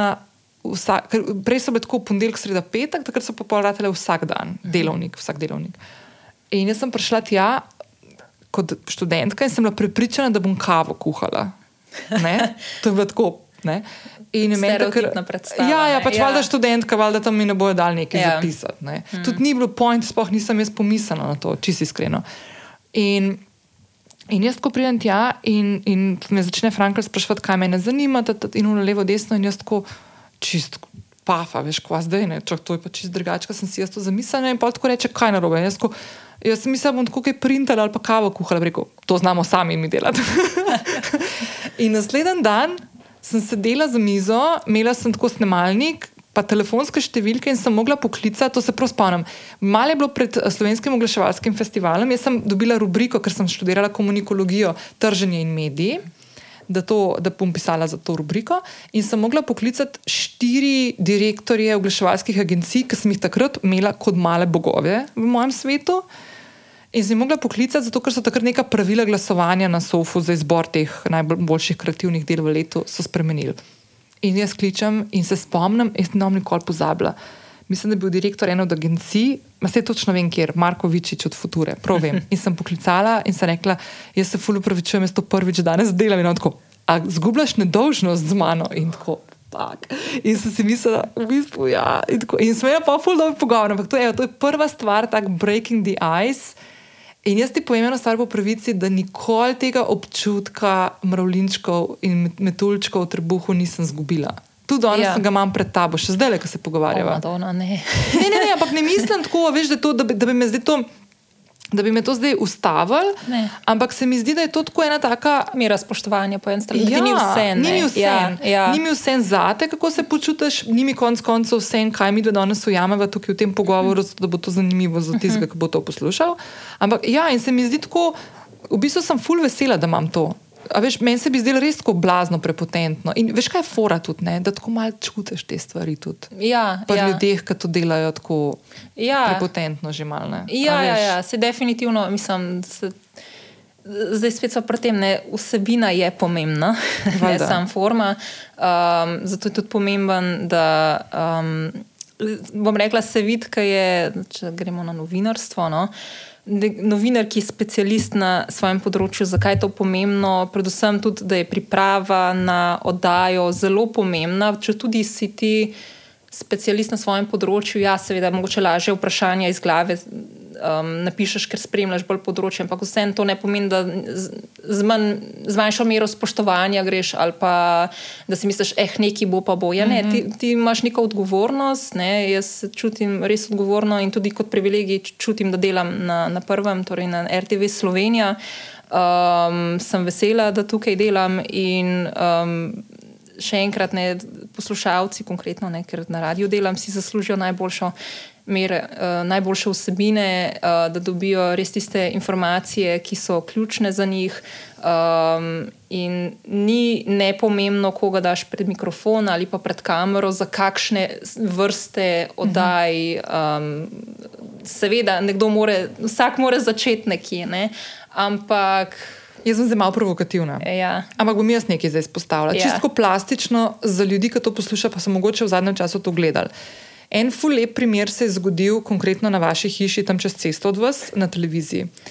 Pa ne bom šla v to, ni, v bistvu niti ni pomembno, kdo je ta oseba. Jaz verjamem, da je strokovnjak za neko področje. Uh mhm. -huh. Ampak, naprimer, na zadnjem soočenju na RTV-ju, na televiziji, ja. no, se je zgodilo to, pa zdaj res ne, tudi ne bom te postavljala v pozicijo, lahko poveš pa zraven, če hočeš, ampak nočem te dajati, ne odpiram te debate zdaj zaradi tega, da bi zdaj hotela tle biti neki, neki klikbajte pa to. Ampak ne gre za to. Gre za to, da se je tam ful plastično pokazalo, kako pomembno je, da človek, ki vodi eno tako stvar, kot je soočanje, da pozna ne samo vse tematsko, kaj bo sprašval, ampak da zna tudi voditi ekipo ljudi tam, ki bodo v studiu, ki bodo valjda vsak od, od njih bo hotel tam najboljši spasti in imeti čim več minutaže. In ti, kot voditelj, novinar, mimo gre celo urednik, da prideš ti v eno tako oddajo, ki je zadnje, zadnje soočanje pred volitvami, ki so blazno pomembne, vse so vsake volitve pomembne, ampak ja. zdaj so le pa se mi zdi še na steroidih. In da ti prideš in je eno od vprašanj, in kaj pa je ekonomija, je bilo meni samo tako ponižujoče do mene kot gledalke, uh mhm. -huh. konc koncev. Ja. Pa ne gre za to, kako si ti opredeljen, katera opcija, ker konc koncev tudi novinarji, jaz razumem, da so ne, veš, ta objektivnost novinarska, ki je tako nekaj, ne to je brez veze. Ja, to, ja. Veš, to je brez veze. Pač, ja, objektivnost v tem smislu, da vzameš oba pola, pa jih predstaviš, naprimer, če imaš to možnost. Valjda. Ampak vsak je človek in valjda so te neke vrednote bližji in pa neki pogledi na določene stvari, ki jih lahko rečeš, ok, ta opcija mene bolj zastopa, mene osebo. Ja. Ti si ne? dolžen dajati dejstva Valda. in pač predstaviti situacijo exactly. takšna, kot takšna, je. Kot je. In... Ne glede na to, ali delaš na nacionalnem servisu, kot je RTV Tako. Slovenija, ali delaš to na komercialnem servisu. To kot medij pač moraš imeti. In jaz, meni je nedopustno, da se to zgodi, še posebej pa, da se to zgodi na nacionalnem servisu, ja, ki, je, ki ima drugačno vlogo v, v medijskem svetu pri nas kot kjerkoli drug. V bistvu, više odgovornost ima, no? tako jaz to dojemam. Kot, veš, in meni je to pač nekaj tako ne, noro. No? Ja, definitivno ti moraš poznati, vedeti. Um, pa ne govorim zdaj samo za soočanje, ampak na splošno ti moraš vedeti, zakaj povabiš določenega sogovornika. In kaj se boš pogovarjal? Ne, ne nujno, ja. mislim, seveda, nekako poslušalstvu, gledalstvu. Uh, razložiti, ja. v kakšnem kontekstu prihaja, ampak moraš um, seveda smiselno, torej kot neko tematiko pokrivaš. Uh, predstavnike um, z določenih področji povabiti, da celo, čim bolj celovito sliko predstaviš poslušalstvu ali pa gledalstvu. Uh, če govorimo konkretno o, torej o soočenih pred volitvami, ti moraš biti pripravljen, moraš zastavljati konkretna vprašanja, moraš znati, predvsem se moraš pripravljati. Uh, novinar, urednik ekipe se morajo pripravljati tako, da pri, vedo, kaj pričakujejo. Scenarij je scenarij. Če se zgodi tako odgovor, kaj je naslednje vprašanje? Vse vemo, da pač, če bo A rekel, tak, če, boš, če boš A ja vprašal tako, bo odgovoril to. Če boš B vprašal ja. to, pri, veš približno, kaj ja. pričakovati. Ja. In tak, na, na, takem, um, na tem mestu pač mora voditelj odreagirati in povedati. Ne, podatki so taki, ali pa pač v smer, ne, jaz sem vas to vprašal, prosim, Ja, ja, ja, na to ja. ja. vprašanje odgovorite, ali pa tudi prehajanje med samimi gosti. Ne, ne moreš sam in ti, in, in vi, in vi. Ja, in ne vi. moreš samo to. Ja, moraš nek zapeljati. Mislim, ti moraš človeku, ki na drugi strani to posluša ali pa gleda, uh, ga moraš voditi skozi vsebino. Uh, tudi če jo drugi izrekajo, ampak ga ja. Ja. moraš voditi človeka, da bo na koncu imel neko sliko o neki zadevi. Ne vem, če je bila tema. Pre, prej si rekla, si to mi je bilo fululo všeč, ko si prej omenila, naprimer, da v programih, ki jih ti uh, urednikuješ, tudi, ne, in pripravljaš teme s svojimi kolegicami in kolegi. Da se, naprimer, za, naprimer konkretno intelekta, da se vem, enkrat na teden se pripravlja človek cel teden na to vsebino. ne. Um, a veš, če, če imaš ti neko soočanje na temo izobraževanja, bo verjetno to soočanje full fajn, da ga vodi nekdo, nek novinar. Ki se z izobraževal, izobr, izobraževanjem ukvarja že leta, verjetno. ne? Ja, seveda, In ja. kljub temu, da se leta ukvarja uh -huh. s to tematiko in jo pozna do obisti in ve, kaj se je dogajalo na tem področju, kje zakoni so bili sprejeti in kdo je bil ministr v nekem času, whatever, če govorimo zdaj o nekih soočenjih. Druga stvar, ki je, se bo ta človek, kljub temu, da ima leta, leta, leta špila, se bo mogel pripravljati na te stvari, Ja, na soočanje. Ne zato bo preigraval razno razne možnosti, kaj se lahko zgodi, in kako bo reagiral, če se zgodi to in to in to, ali pa dobi tak in tak odgovor. Ker tja noter pridejo vsi, ki so ful pripravljeni. Ja. In da tako le, sorry, izrazil, scatvo pelajo. Je bilo meni tako sam, seriously. In potem tudi to pomankanje samorefleksije. ne. Ja. Ti moraš kot voditelj voditi razpravo, Ja. ja. ti moraš, lahko rečem, kontrolirati, kakšen nivo razprave bo, o čem se bo govorilo, Ja. kaj, o čem bo, kaj bo naslednje vprašanje. Ti ne smeš dovoliti, da gosti, ta priljubljena beseda, prevzamejo sovražni Ja. prevzem, uh, torej oddajo. Niso oni, oni morajo biti vodeni, uh Mhm. -huh. niso oni tam, da bodo določali, o čem bo tematika, ampak to voditelj ja. mora delati. ne. Ja. No, ampak mislim, to je meni tako prim, zelo lep tak, in po mojem se bo to v šolah učil na faksu. ne. Lep primer tega, kaj se zgodi. Ne samo, če nisi pripravljen, ampak če daš konec koncev napačno osebo, ki ni nujno, da je slab, a veš, daš napačno osebo v napačnem trenutku v napačno eh, vlogo. Ja, in pač ni kul. Cool. Je gledanost nam je zaradi vsebine, zaradi odhoda Exactly, in padcev. exactly. Ja. In pa se, ja, ja, in pa se, dogaja, in pa se dogajajo te stvari, kar smo v zadnjih. Fuck, v zadnjem letu dogajali, se dogaja pri nas to, da v bistvu novinari in mediji postanete zgodba. Ja, tako kot pravimo, ne, nočemo biti mi ne, Zgodba, v novicah, ne. ampak mi hočemo Ja. o novicah poročati in Ja. govoriti. Ja. Um, ja, se mi zdi tudi na splošno medijska pismenost, to bi se lahko tudi učili v šolah. Um, mogoče tudi na um, napak, ali kako naj rečem, na naši strani, da RTV bi mogoče še bolj lahko komuniciral, kaj smo, sploh smo, če se vrnem na to razpravo. Mm -hmm. Kaj vse zaobjema RTV, ne, pozabila sem tudi dodati, da podcaste, imamo tudi dopisnike, domače in Valjda. v tujini, to ni samo umevno. Ne. To je zelo mm. veliko šteje, da imaš ti nekoga v tujini, ki analizira, ki razloži, zakaj je nek dogodek pomemben za Slovenijo, za Evropo, za svet. Ne. Um, tega mogoče manjka. Pa mogoče bi sam še poudarila, da ne, ne, v luči stavke in vsega, kar se dogaja. Jaz mislim, da ne gre za to, da, da bi mi želeli ohranjati status quo. Mi upam, da saj zase govorim, da smo dovolj samokritični, da želimo se izboljšati, da želimo.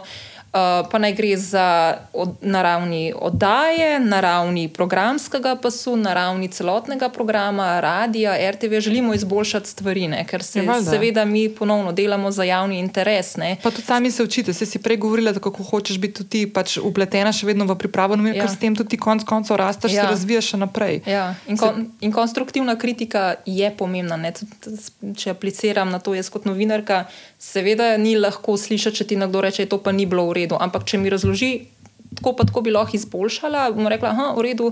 Drugič, -hmm. se, se mislim, da že, da že sami dober novinar bo sam ga sebe prepraševal, kako lahko boljš mm -hmm. naredi. Samo refleksija. Samo ne. refleksija spet. Ja. Ja. Um, to bi rada podarila. No, da, ni, zato, da mi pa nočemo nobenih sprememb, ne, ampak um, hočemo pa spremembe, ki so v korist pač, uh, javnosti. Ne. Ej, koliko imaš ti uh, občutek, da se je sploh v zadnjih dveh letih, ko so bili ti napadi in to um, kampansko poskušanje, oziroma ne bom rekel poskušanje, zato ker se mi zdi, da je tako že kar konkretno se na tem rezultati kažejo. uh, kampansko rušenje uh, ugleda, in, od- in, in, ja, ugleda in vloge medijev v naši družbi. Mislim, zdaj tako iluzorno bi bilo. Ampak ne, bom začela drugače. Bom začela drugače. To, kar sem jaz takrat Maruša vprašala, pa Suzano Lovec, ki je bila tudi že kot uh, novinarka in urednica gostja. Ja. Um, kaj misliš, uh, kakšna je vloga medija v današnji družbi? Kaj je tisto, pa ni nujno, da je eh, RTV konkretno, da naprimer, ta celoten ta spektr RTV-ja, kar pokriva. Ampak kaj je tisto, kot ti kot konc koncev, kot državljanka, kaj je tisto, kje ti vidiš, da je vloga medija ali pa zakaj so mediji pomembni, če zelo zbanaliziramo vprašanje, zakaj so mediji pomembni v družbi, v vsaki družbi, naprimer konkretno v naši? Ja, vsaka, mislim, demokratična družba. Mislim, da bi si želela neke medije, ki so neodvisni, ki so kritični, ki gremo spet ta strogo informativni vidik, ne, eh, ki bo preupraševala, kar dela trenutna oblast, ki bo pač spremljala, ki bo pod lupo gledala, kaj se dogaja. Ne.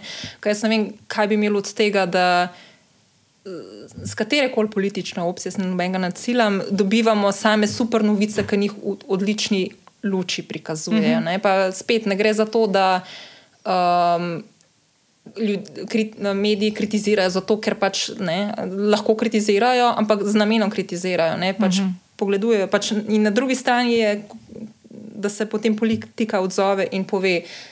Ne, imamo dokaze, to ni tako, ali pa, mm -hmm. pač ne, smo jih dobili pri nečem in to je to. In tudi uh, namen je tudi ta, torej, ta izobraževalni namen, da, da imaš tudi dostop do, do vsebin, ki niso. Lahkotnega, to se malo zaničevalno sliši, ampak noče. Ne? Ja, no, nočem Ja. ja. tako, ampak vseeno ja. ponovno ne, zahteva neki, torej novinar, ko se pripravlja, prebere več, kot kar pride na koncu v vdajo. Ne? In ti novinar potem neko selekcijo naredi smiselno, ki, ne, da reče, da to pa lepo zaokrožila neka tematika, in hkrati upa, da. Ko bo poslušalec, gledalec slišal, videl, prebral, no, karkoli, ne, da se še MMC umenim, uh, da mogoče ga spodbudi tudi k razmišljanju, da mogoče to spodbudi pogovor v družbi, med prijatelji, v družini, mogoče spodbudi, da kaj drugega naredi nek uh, posameznik. Ne. Um, ne, tako kot si imela od enih e- epizod, ne, lahko tudi ena klopca, ki, ja. ki je ne, zlomljena.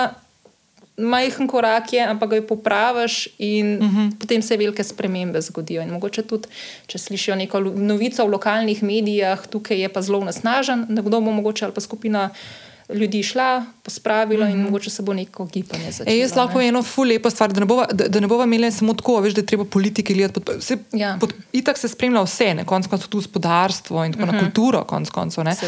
Pa še ena stvar, ne, da je treba tudi vedeti, da velik del ljudi, ki jih mediji spremljajo, je prav, da jih spremljajo in nadzorujejo kot neka četrta veja oblasti, ki, katere vloga je to.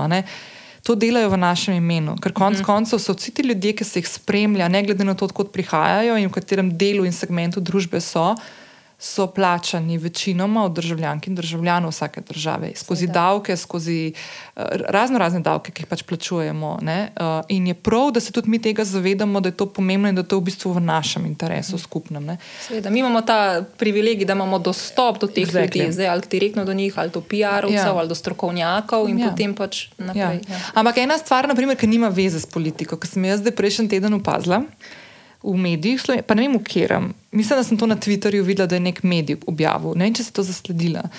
Uh, da letos opa opažajo v slovenskih gosto gozdovih nekega zajedavca na Bukvi. A si to opazila? Ne. In je bila fotka lista od Bukve, ki je tako, lističi tako postajajo malo rjavi. In jaz, ko to vidim, tako je mim grede je bilo. Ne? Niti nisem, ne vem, če sem šla odpreti cel članek ali sem sam tist, uh, tisto nit na Twitterju prebrala, se ne vem.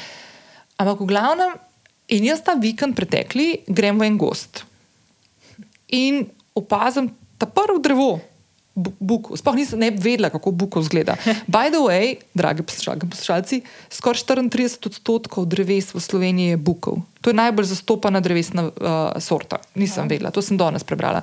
No, in v glavnem, kaj je fora, da po večini države opažajo, da ima bukev zgleda nekega, nek, nekega, nekega aj za to zdaj zajedavca, neko, neka ušno, ki je prišla gor. in se ful bojijo gozdarji, zdaj zato, ker je to v bistvu ne moš rešiti. Mm. Veš, zdaj imaš ti 34 odstotkov bukov v, v slovenskih gozdovih. Gozdovi so eno od naših največjih bogatstv, s tem se furadi skozi kitimo. In med korono so bili zelo exactly. koristno, ja, izhodišče escape. Ja. Ja. Za vse tiste, tudi v tistih najmanjših občinah, če sem rekel, da gozdiček je. No, ampak, glavno, veš, to je naprimer taka stvar, ki naprimer mediji obrne pozornost v neko zadevo, ki ni nujno, da zdaj politično, zdaj gremo pa mi iskati napake. Ampak pač, lejte, bodite pozorni, to ni kul. Cool. Pa konc konca še ena stvar da, osvetli, da postavijo žaromete na neko zadevo in s tem tudi prisilijo ljudi, ki pa mogoče so odgovorni za to, da se začne te stvari sanirati ali pa preprečevati, preden pride do večjega ša, šita. Ne? Da te stvari pač dajo tudi pozornost nas in naš javnosti usmerijo tja. Ja, seveda, marsikaj. Konkreten primer. Ne. Tiho šlo mimo, ja, ne, če ja, ne ja. bi opozarjali na določene ja. stvari. Pa tudi ljudje morajo vedeti, ne, v kakšnem svetu živijo, v kakšni ja. družbi živijo. Vse ne, treba ozaveščati o takih stvarih, ker ja. ponovno nikoli ne veš kdo pa tisti, vem, uh, ki ga bo to prisililo ali pa spodbudilo, da bo šel spremenjati stvari. Ne? Zato jaz, ko, včeraj sem ful dobro stvar, ki je bila včeraj, bila stavka, sem poslušala gliho mes, ko sem skakala in iskala rože za mojo teraso in sem poslušala, uh, eh, ker so dajali izjave tudi uh, sindikalisti in tako naprej. In mi je bilo ful všeč, veš to, da se pač res postavi v bran ljudem, ki zahtevajo, da bi radi upravljali svoje delo. Ja, ja. In, in to se meni zdi, da je nekaj taska. Mislim, da je eden od sindikalistov, mogoče ta Branko Štruk, Štrukal uh -huh. od uh, izobraževanja, ne malo šolstva, ja, Branimir. Ja. Ja ki je rekel, tako, da to je tako, kot če bi naprimer, nekemu drugemu delavcu vzeli možnost, da ima malce. A veš, da pač lej, ljudje hočejo delati in ne morejo svojega dela upravljati. Ne? Ja, to ne. Mislim, ja. se klišejsko sliši, ne, let us do our job. Ja, ja. pa spet, ja. ne, z vso mero odgovornosti in profesionalnostjo in ja, to si želimo, ne pa dveh ja. informativnih programov. Preden gremo naprej, kaj sem te hodila še vprašati, ja. kar se tvojega dela tiče. A se spomniš, da je kakšnega za jebčka. Oh. Kaj še nekaj tega luštanga? Ja, um, se zdaj smeješ, mogoče evo, ga se že smeje. uh, ja, spomnim se, mislim, spomnim se, da sem enkrat en, ena, ena skladba je bila, mislim, da je joj, ena risanka, ki je Aha. Tom Hanks noter, neki North Pole Express ali ne vem kaj, skratka, ena pesem okay. je bila pa je bila neki vroča čokolada in jaz tam, ok, zdaj pa jaz recept za vročo Jones čokolado. Ne, ne, ok, ja, ja, ja. pol smo se slišali. Uh, ne, Tom Hanks. Kaj, uh, no, skratka, in pač preberem um, recept, pač v eter, oziroma pač, no, če koga spodbudil, tako sem naredil vročo čokolado. Mislim, da sem jaz kozico, kozico rekla. Zdaj sploh nisem zavedala, pa me je poslušalka klicala. Ja, če te pa kozico dal na ogen, bo pa težko. Ja, boleče, sem se režala. Um, potem enkrat je bilo, ko sem nočni program vodila. Um, e, ampak, sorry, to je ful dobro, da nekdo tako pozorno posluša, ja, da ja. opas tako stvar in dejansko si vzame čas in pokliče. Točno tako, ja. ja se je smejala, tako zelo simpatično. To so te konstruktivne kritike. Ja, ja, ja, ja, ja, ja. itak, pa se včasih ne moreš sploh. Vale. Se ne zavedaš, kaj je. Bilo, nočni program je bil in sem brala dnevni koledar, ki pač na kratko pove o dogodkih, osebah, ki so mm -hmm. zaznamovali tisti dan. In žal sem prima vista prebrala, to pomeni, da prej nisem prebrala. In Aha. je bil en stavek, ko sem zmislila, da bi rekla: Janes Novak se je rodil na današnji dan, leta 1950, znan je bil potem tem, tem. Leta 1950 se je na dan, ta dan rodil Janes Novak. Torej, prvi Aha. in zadnji stavek sta bila skoraj ista. Aha. In jaz preberem in se pogledam s eno tonsko mojstrico takrat, Kaj surikata smo se dvignili, tako pa se gledala in sem se tako začela režati. In naslednji stavek je bil, Marko, je tako le, tako ful smešen je bilo. No. Res to mi je bilo pa tako simpa mislim, simpatično smešno. No. Um, da bi pa neki tak orang zajebil, pa mislim, ali sem pa dala neko blokado. Ampak mislim, da ne. No. Imamo pa prav eno rubriko UPS, ko se, no, se zmotijo ljudje, pa bolj simpatično izpade. Ja. Um, žal pa trenutno. Ne, že dolgo časa nisem poslušala. Ja. Ne, ej, veš kaj, pa še ena stvar, uh, preden te pol malo teh jajcih vprašam, za kaj so više cene, pa kako ste opazili, da te malo v torticah vprašam. Ker namreč Tina je pol huda ustvarjalka uh, sladkih razvad. Aj, to so filtri. Uh, ja, ja. Ne, veš kaj sem te hotela vprašati? V bistvu bom izkoristila to stvar zato, da se ti zahvalim. Zato, ker si bila v bistvu ful pomemben člen letos, pa navezala sem še na eno stvar, ki si jo že malo omenila. Um, ful pomemben člen si bila letos, da sem jaz speljala in spoznala uh, enega krasnega fanta, moškega, uh, Filipa, ki mimo grede čez dva dni pride na to mesto, kjer ti zdaj sediš, da bo posnela pogovor. Ja, in sicer, da povem, uh, sem že prejšnji teden v zaključku epizode omenila, um, da sem imela priliko na letošnjem. Uh, Na letošnji konferenci za odnose z javnostmi uh, imeti okroglo mizo na temo pristnosti in lovljenja ravnotežja v pristnosti. In sem si ful želela odpreti tematiko, ki me ful zanima, in to je te tematika vključevanja, izzivov in konc koncev, kako se pogovarjamo z ljudmi, ki so predstavniki, ne bomo znali, LGBTQA skupnosti. In posebej sem si želela najti sogovornika, ki je ne-binarna oseba. In zaradi tebe, ker sem tudi med drugim stavkom poklepetala, in zaradi tega, ker imate ful dobro oddajo, ki ja. boš povedala malo več Bom. o njej, uh, pa si jo prej malo menila na hitro, uh, sem v bistvu pol prišla do ene krasne profesorice na FDV-ju in prišla pol na koncu do Filipa. Ki bo moj gost, verjetno v naslednji oddaji, uh, epizodi. Super. Ja, no, in zdaj mi pa povej, um, ta, ta nova oddaja, ki imate, oziroma ni več, do, no. ni več nova. Ja. V bistvu bi se rada vrnila na začetek, preden ta slovar. Ja. Mi imamo podcast Evolucija užitka o mhm. spolnosti, zdaj že, že um, uh, tretja sezona uh, poteka, uh, tokrat se bolj posvečamo.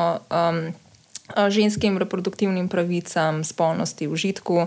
Uh, in torej, kdo spremlja, ve, da znotraj nastopata odlična uh, mhm. Manca Dorar in Domen Valič, ki v bistvu nastopata hkrati v vlogi raziskovalca, um, v vlogi Eve in Luka, in potem v bistvu v vsaki epizodi se uživite v določen lik, ki ima določene težave -hmm. ali pa kaj izpostavi. Uh, in na ta način upam, da smo vsaj malo približali ljudem to tematiko, torej spolnosti, v kateri še zmeraj se mi zdi, da ljudje malo težje spregovorijo, ne, da je seks mm -hmm. nek tabu ali pa sam nek našaljiv način, je, ali pa seks v kontekstu vem, spolno prenosljivih bolezni. Mm -hmm. Um, sploh, sploh pri prejšnji sezoni mi je bilo super, ko smo povabili poslušalce in poslušalke, da nam zaupajo svoje izkušnje, seveda ne, anonimno. Uh mhm. -huh. In je bilo kar dosto odzivano, so uh -huh. nam mhm. pošiljali maile. Uh, tako da, če še kdo želi evolucijo uzitka, ne Ej, bom dala, bom dala, by the way, bom polinkala v zapis ja. epizode, ker je res ful dobro.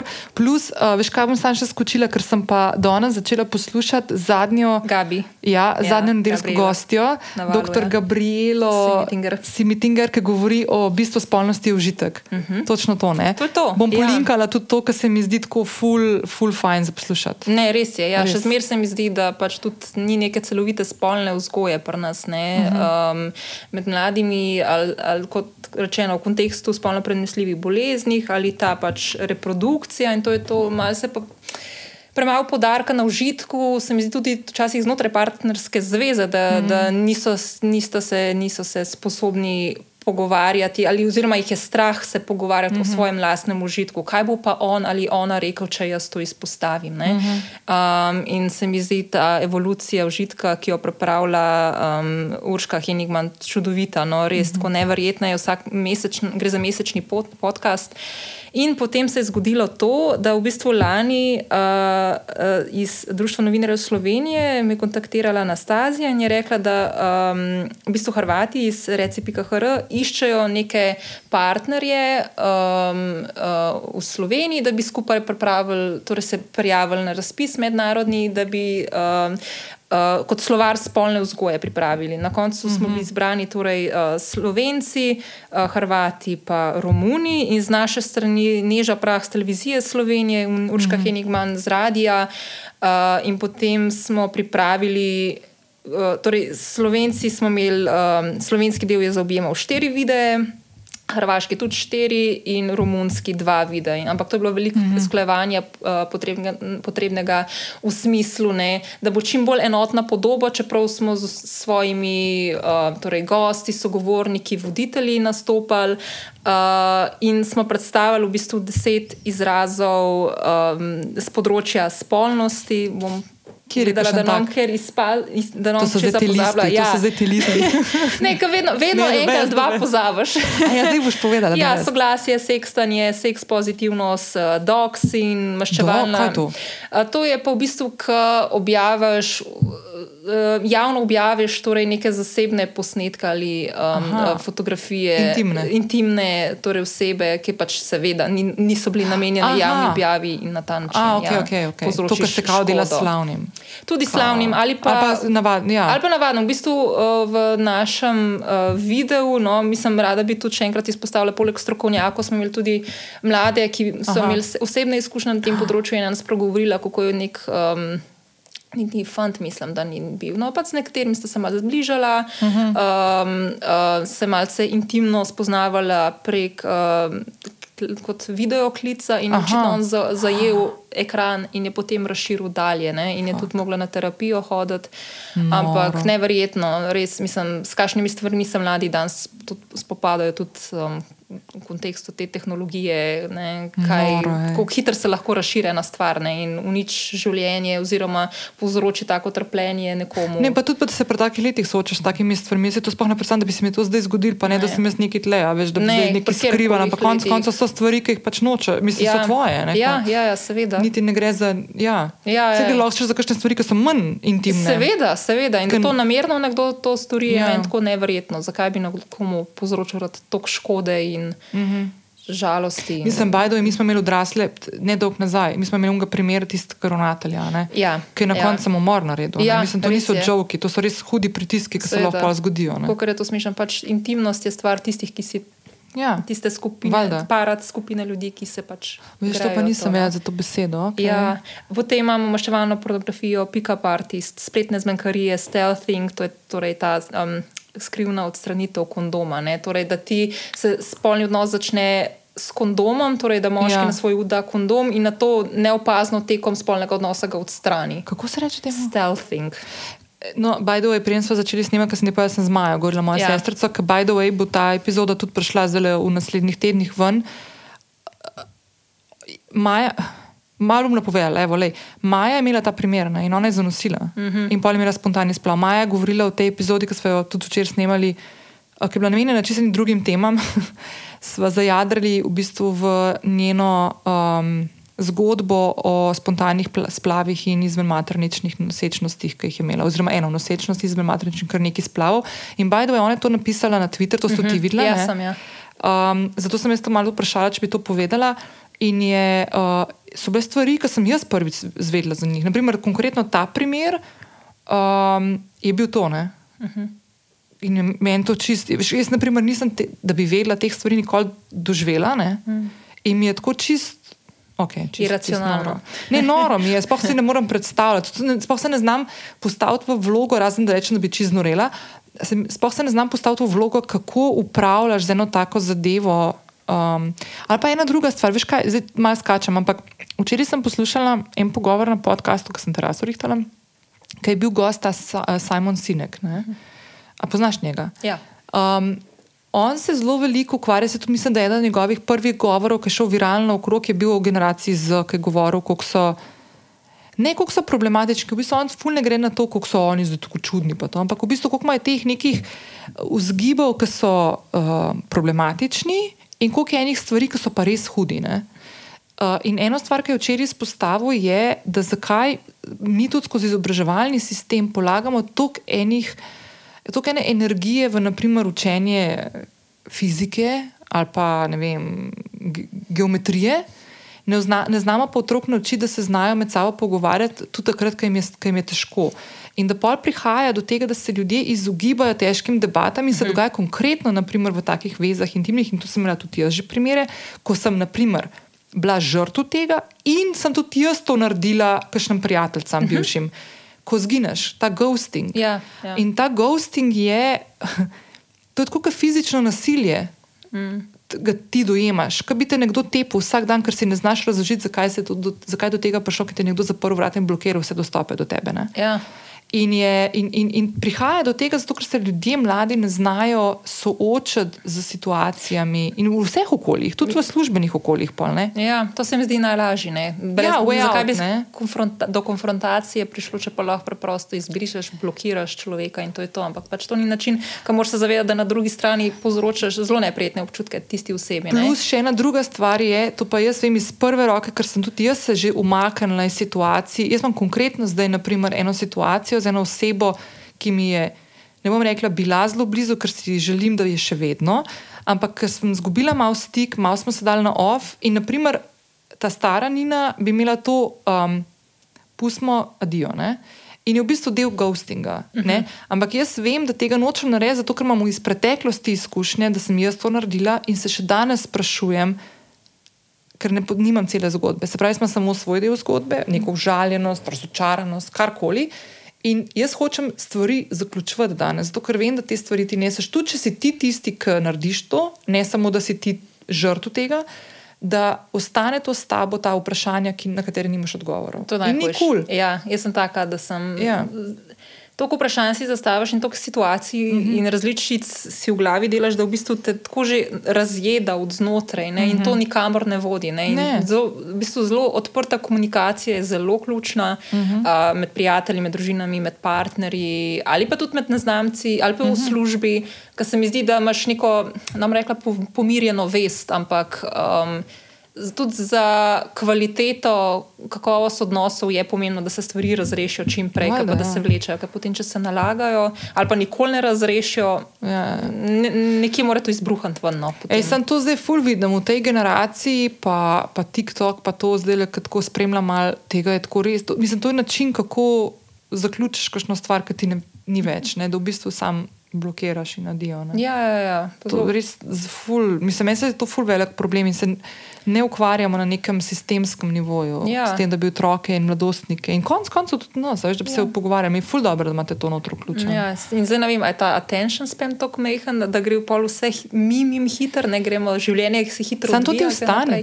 Ne, ne, definitivno. To ni ampak... taka stvar, ti lahko to na hiter narediš. Ne? Res Sam... je, ker si mlad, ne razmišljaš o tem. Ne? Tako včasih moraš žal tudi skozi šolo življenja. Se, jaz mislim, da je pomembnejše, da v bistvu, ko odraščaš, da se spopadaš s tem, da mislim, toliko več respekta tistim, ki že pri mladih letih ja. vejo, kaj hočejo, kaj je pomembno, kaj ni. Um, ampak se mi zdi, da kot oseba napreduješ. Mm. Takrat, ko se soočaš sam s sabo. Pa, kaj delaš spremeniti te vzorce? Veš, jaz ti tako povem, jaz, mislim, res konkretno imam zdaj ta situacijo in skozi malo odlagam, veš, to, ta stik vzpostaviti. Skozi malo dajem, vse bom, vse bom, vse bom, ne, in meseci tečejo zdaj že. Ne. In pač mi ni to kul, cool, ampak bi rada res naredila drugače, kot bi sicer v preteklosti. Ker se mi zdi, da si to pr prvo vrsto, če sem zelo sebična, jaz zaslužim to, pa druga stvar, da mi ta odnos ni tam kar neki. Ne? Uh -huh. A veš, mi v bistvu. Ja. Kako že kot ubliš na hitro, treba se ja. soočati s tem. Ja, ja, ja nebesedno. ja. Um, um, ja, no, pač ta torej slovar spolne vzgoje je bil. Pri nas um, na televiziji predvajam, pa tudi na spletni strani prvega, še zmeraj lahko se najde. Uh -huh. Zdaj, čeprav je projekt že zaključen, torej deset videojev že posnetih, si vsem želimo, če bo kdaj v prihodnosti možnost nadaljevati s tem, če bomo mm -hmm. še kakšen razpis. Super bi bilo, če bi se te posnetke.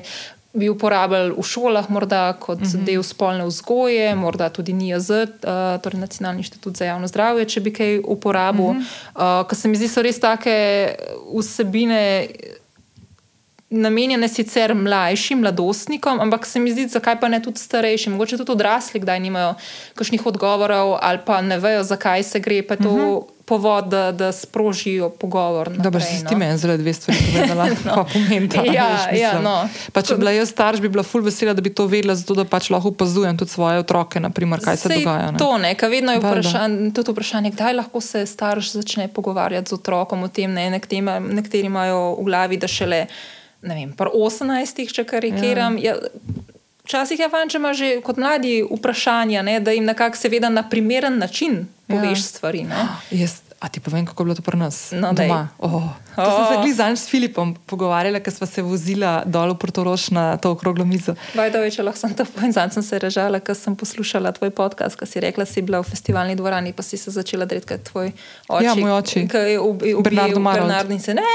Moj oči. Sem se razžala. Ja, ja. No, No, to, to, prosti. to. Ja, ta posesivnost je bila že takrat prisotna. Ne, ne ampak je zanimivo, kako se otroci pol tako vprašajo. Ne? Ja. ne, veš kaj, no, ampak to moj oče, no, zdaj spet ga bom vključila, pa mama. V bistvu sta, jaz ne vem, če se ti spomniš, ti si mlajša, malo mlajša od mene. 35 sem, ja. Ja, no, ampak veš kaj je bilo? Um, bila je zbirka štirih knjig, uh -huh. v takem temno-modro-vijolčastem ovitku so bile.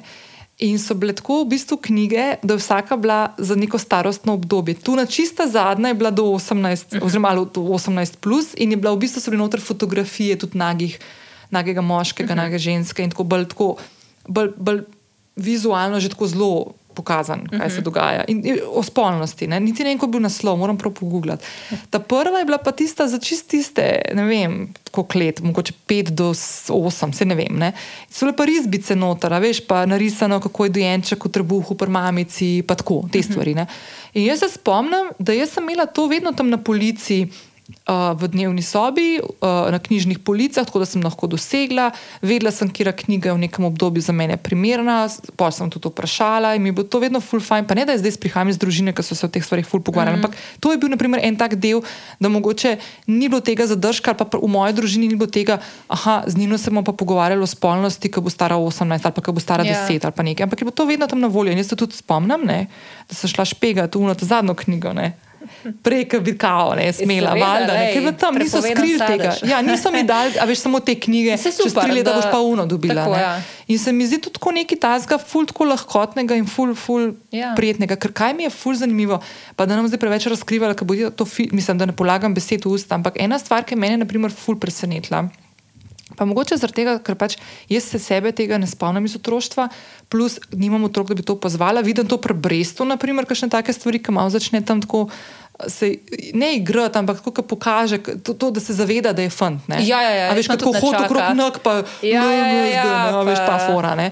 Pa zridko mi Ati imajo to, mami imajo to. To, ja, ne, ja. veš, ampak naprimer, meni je bilo fulj zanimivo, veš, jaz si nisem predstavljala, naprimer, da lahko nekdo pri zelo, zelo, zelo na začetku, že ko govorimo o dveh, treh letih starosti, se zaveda, da nekaj ni ok. Ja. Da, se, da, da se ne počuti, da je v ta pravem telesu, da, ne se- da, da ima občutek, da nekaj manjka ali da je nekaj mm. odveč. veš. In je tako, Kakšno samozavedanje. Ne? Ful, mm. ful. Veš, ampak tudi to, da se ti spomniš tega pri teh letih, veš, kako mora to biti močen vpliv na tvoje siceršnje življenje in dojemanje sebe v svetu. Mm. A veš, mi se to sploh, sploh se ne pogovarjamo o teh stvarih. Mm.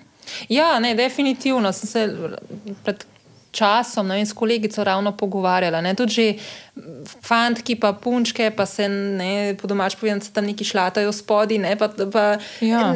Se mi zdi, da predvsem babice ne, so bile tiste, ki so vzgojene mogoče v drugačnih ja. časih, ne se dotikati. Ne. Ja, ne smeš Seveda, ne, pre, pač, um, ko si starejši, imaš prostor za to. Ampak mislim, da je zelo pomembno, da poveš že mlademu, s tem ni nič narobe, pač spoznavaš svoje telo, ampak Ja. starejši, ko boš, bo za to primeren nek Drugačen nagovor. drugačen tudi prostor, seveda, in obravnava. Tako, to se mi zdi, Valjda. da ti zelo v glavu stane, da reče, ne, to je pa prepovedano. Ja, to je ja, pa, ja. Tle vem, se začne frustracija In razvijati. že, ča, ene, po mojem, imajo že težave punce, ki dobijo menstruacijo, da je mogoče to, zdaj pa ne govoriti o tem. Ne, to In pa bajdo, jaz sem skrivala. A ja, no. Pa nikoli ne bi bilo treba, mi Saj to, pa neki- saj tudi družba ti ja, malo- Jaz sem skrivala, po mami, ali pa ste mi sicer rekli, da, ste, da se jim je izdel. Ker sem mm. pač povedala, in takrat ti zdaj, ko sem povedala, moj oče rekel, zdaj gremo pa na zdrav. Pa sem se poj, klinac na zdrav, a veš, ko, a veš, ko, ampak Ja. ja. ja. Pa nisem bila, naprimer, v družini, kjer bi. Ja. Ne, pa sem vsem, kar neko, kar neko, a veš, zgleda, da je vsem prišlo do nekega sramu. Ne. Ja, ja, definitivno. veš? Se to že podzavestno mogoče Ja. ja. zaznaš, da ni to pa nekaj, česar se moraš sramovati. Sam se Ja, ne bi ja, smel, ja. svojega Ne, telesa valjda, se ne bi ne, ne. smel uh, sramovati. Ne? Ja. Tako da tudi upam, da bomo. Na, s takimi projekti, uh, pa tudi še enkrat ta podcast Evolucija užitka, da, da bodo ljudje spoznali, pa bili odprti v tem, pa če Ja. ja. imaš vprašanje. Bom jaz to vse Stav, polinkala, pa še tako, da mogoče narediva zdaj tako en tak krog, pa greva pa na tortice. Ampak veš, to, to je v bistvu eden od lepih primerov tega, da verjetno noben drug medij razen nacionalna radio televizija ne bi vzela te tematike in jo na tak način obdelala. Ja. Prvič, da bi pustila toliko prostora temu, da bi se, mislim, ker to niso te, veš, te stvari, ki bi zdaj ful, ne vem, dobro, se so zanimive, pa pol, popularne, verjetno to mm. folk gre gledati, poslušati, ne, Ja. veš, valjda. Ampak vseeno, veš, se mi zdi, jaz ne vidim, naprimer, nekega drugega medija, ki bi imel na voljo, tudi to konc koncev nekih kanalov raznolikih, ki bi lahko to pletel pa razvil te neke vsebine, zgodbe, ja. pričevanja.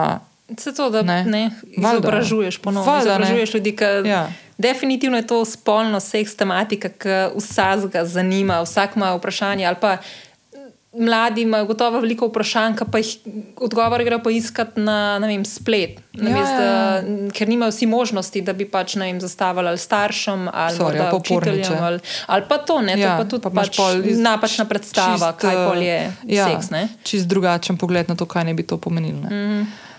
Um, ok, no, zdaj jaz ful verjamem, da imaš ti ful busy dneve.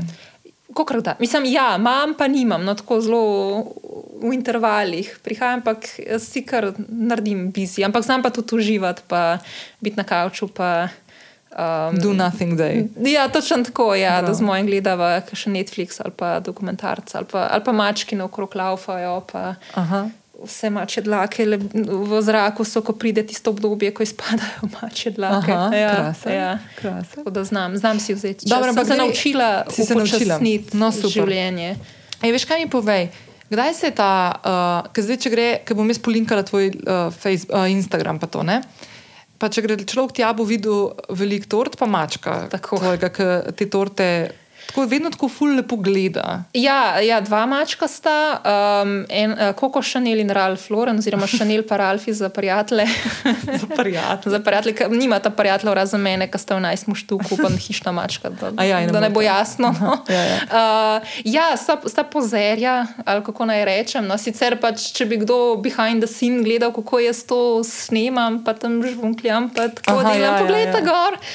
Uh, ampak ja, pa, pa končni rezultati sta ponosna mati. to so pa moji otroci. No, ampak kdaj, se pa, kdaj se pa te torte zgodile? Ker Meni se zdi to, da to se je tako kar zgodilo enkrat, tako mm. z danes na jutr, pa Ja. ja. zdaj to že kar nekaj časa traja. a ne? Ja. Pa ful se tako, ko te gledam, tako ful se tako vidi to tvoje, kako ne rečem za temu. Nedozori, ja, Ja, saj v vem, bistvu ta vem. rast, a veš, Ja, kako si ja. začela to. Ne? V bistvu res, ja, mislim, jaz sem že, uf, ko sem se na svoje preselila, sem itak začneš kuhati sam, Ja. pa ne vem kaj. In pol, mis, po mojem, tudi Instagram takrat enkrat je bil in pa sem videla fotke um, sladic in si mislila, o, mogoče pa jaz lahko to. Uh -huh. Zmoram, zanimivo mi je bilo videti, da lahko fotogenična je sladica. Pa pa ne vem, s časom, kar, kar enkrat sem se spomnila, o, jaz bi pa na čiskajke se vrgla. Potem sem še videla te torej, uh, moderne torte, večplastne torte. In ko vidim nekaj, kar mi je všeč, si Aha. v bistvu sama sebi nekako zastavim uh, nek izziv, a jaz to zmorem. In, um, tako da, ko pripravljam sledice, če mi gre vse po planu, so mi ful v užitek, če pa ne gre, sem pa mal pod stresom. Ampak Aha. učimo se iz napak, res pa je, da se moram nehati. Um, Ker gre kaj narobe, malo preveč potem to potenciram. Pa rečem, se vidi, da sem za nič, da ne znam. Aha, nič, to so je te dokaz samo, sam, ja, to so to. samo ja, ja, ja, ja, ja. destruktivni Tako pogovori. čist, čist, zato pa to me pa zdaj zaznamuje, da Ja, kaj, ja, ja. kaj se pa jaz grem, da hočem to narediti. Ja, no? ja, um, tako Ja. na dostih. Ampak, področjih tako, a imaš tako, uh, ti te, te torte, mislim pa te cheesecake, pa to ti zdaj tudi lahko naročijo ljudje pri tebi. Um, mislim, včasih za prijatelje, Za prijatelje za prijatelje kaj? naredim drugače. Pa Imam željo, da bi enkrat naredila popodanski SP, ki tako mora biti vse, uh -huh. seveda, ne, um, Mhm. Valjda, ja. uradno, uradno, v smislu, pač, da imaš primeren prostor, ki to delaš, uh, pripravljaš. Um, Valjda, ja.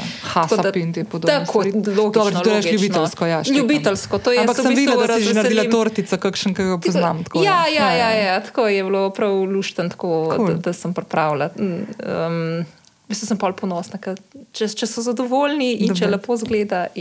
Pa da nisi povabila na praznovanje, da pa gledaš, kako to ugrizne. ja, ja, to je pa tako, raž grem pol v klet, pa jejte, pa prijem pol, če se Ej, eno ja, pa ti tako, a, a vsak teden kakšno stvar narediš, a imaš tako, tako dinamiko, Ej, ali um, čisto odvisno? Ful imam obdobja, imam obdobja, ki na polno pečem, lahko tudi po dva čiskajka na dan in pol ni mi več užitek. Pač spečem, sfotkam s svojimi mačkami, pa pa razdelim. Uno, Mhm. Jejte vi in to je to. Pač, itak, ko vmes kaj probavaš, imaš že cukra čez glavo. No. Mislim, jaz osebno. No. Valjda, Ne morem, jaz ne morem toliko cukra pojesti včasih, ko sem bila mlajša in širša.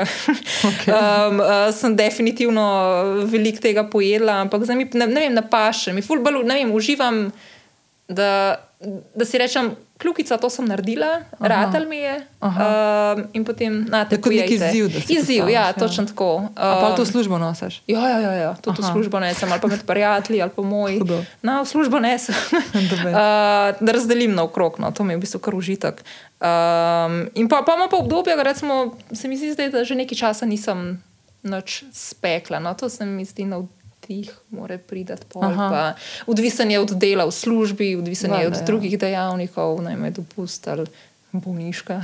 Ne, ampak verjetno kaj. je tudi neka taka meditacija. To, Ja, ne, a se je, se je. V bistvu, Ker sledice moraš pa res biti fokusiran. Ko Pa, se sestavlja ta konček, že vidiš, a bo. V bistvu tako, jaz sem taka, da grem spat, jaz si ful vizualiziram, kako bom delala ene stvari. Če še eno krasa, ki so wafer papirja. No? Uh -huh. Jaz si vizualiziram trikrat v glavu, štirikrat, preden ko grem spat, kako bo potekal, k- da mi to pomaga, da, da bo lažji, uspešen.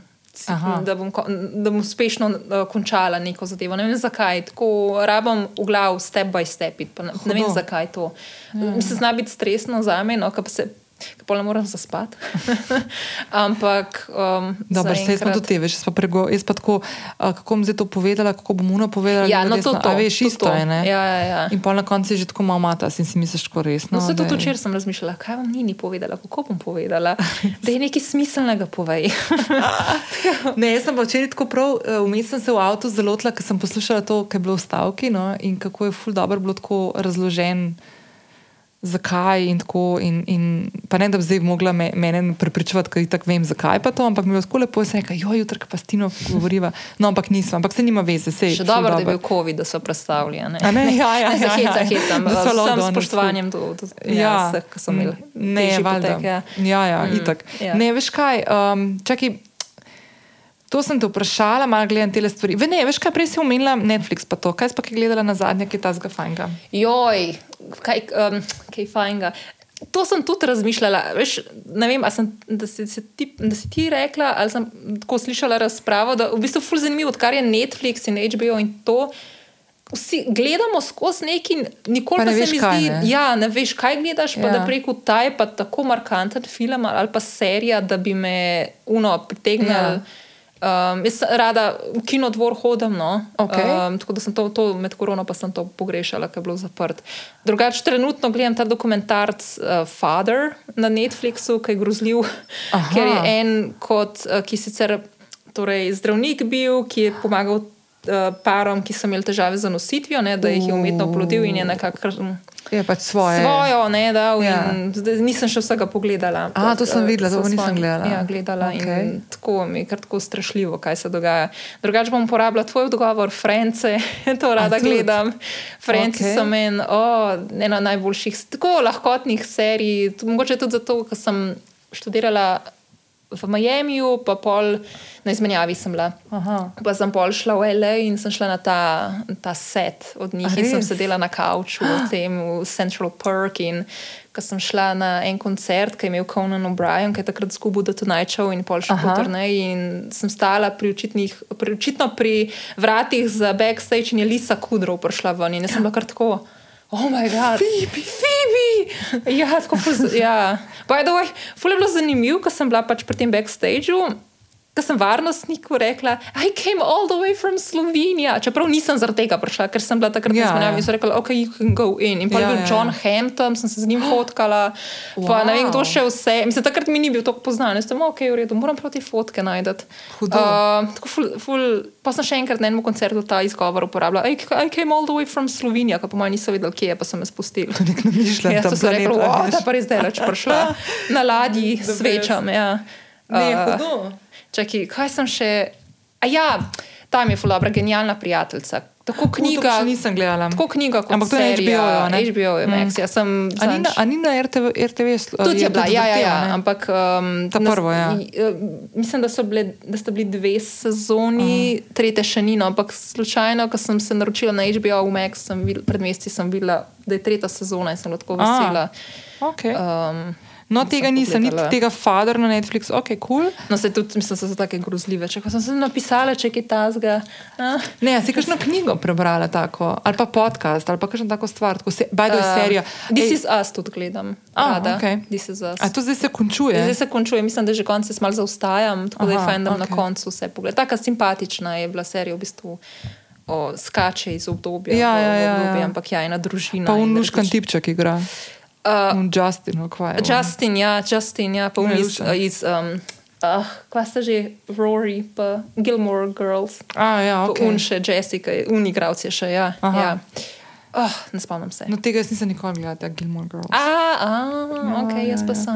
E, ampak to sem ti hodila reči, da v bistvu jaz poznam kar nekaj ljudi, ki France gledajo tako zvečer, vsaki, vsak večer eno serijo, Ampak- en, en del. ja, Da ja. se tako ful sprostijo, pa da se terajo pred spanjem, pa da se malo nasmejijo, ta serotoninček malo da sprostijo, pa pa zaspijo. Mene najbolj, ko citiram zraven in pa se dereš. In, oh, tako Aha. tako užitek je. Ne, kul so kul. Ker si že to, mislim, se je neverjetno, koliko si to pogledal, ampak še zmeraj ene serije so Ja, ja, ja, take, ja. Da, da ne moreš, da ne bi pogledal. Um, oh, kaj sem še? Uh, pogled- eh, knjiga, drugače, spet genialna prijateljica. Aha. Jaz sicer sem ljubiteljca kriminalk. No? Um, okay. Mi je všeč, da slovenske kriminalke, da vedno več je tega. Ko se mi zdi več, bo vedno Koga imaš le v izbira- mislih? Goloba. Golob, August Demšar, ki sem ga že brala, Aha. preden je bila serija inš, Primer inšpektorja Vrenka, Aha. um, Irina Sveta, ko ste, mislim, da bo druga knjiga išla, ki je rdečo kapico naredila, zdaj bo pa Aha. Aha. Volk ali Beli Volk, kako bo. Um, tako zanimivo, vsake tok cajta ne, se tako zaslediš, mm -hmm. da je kriminalka. To, to, to so mi kar uži.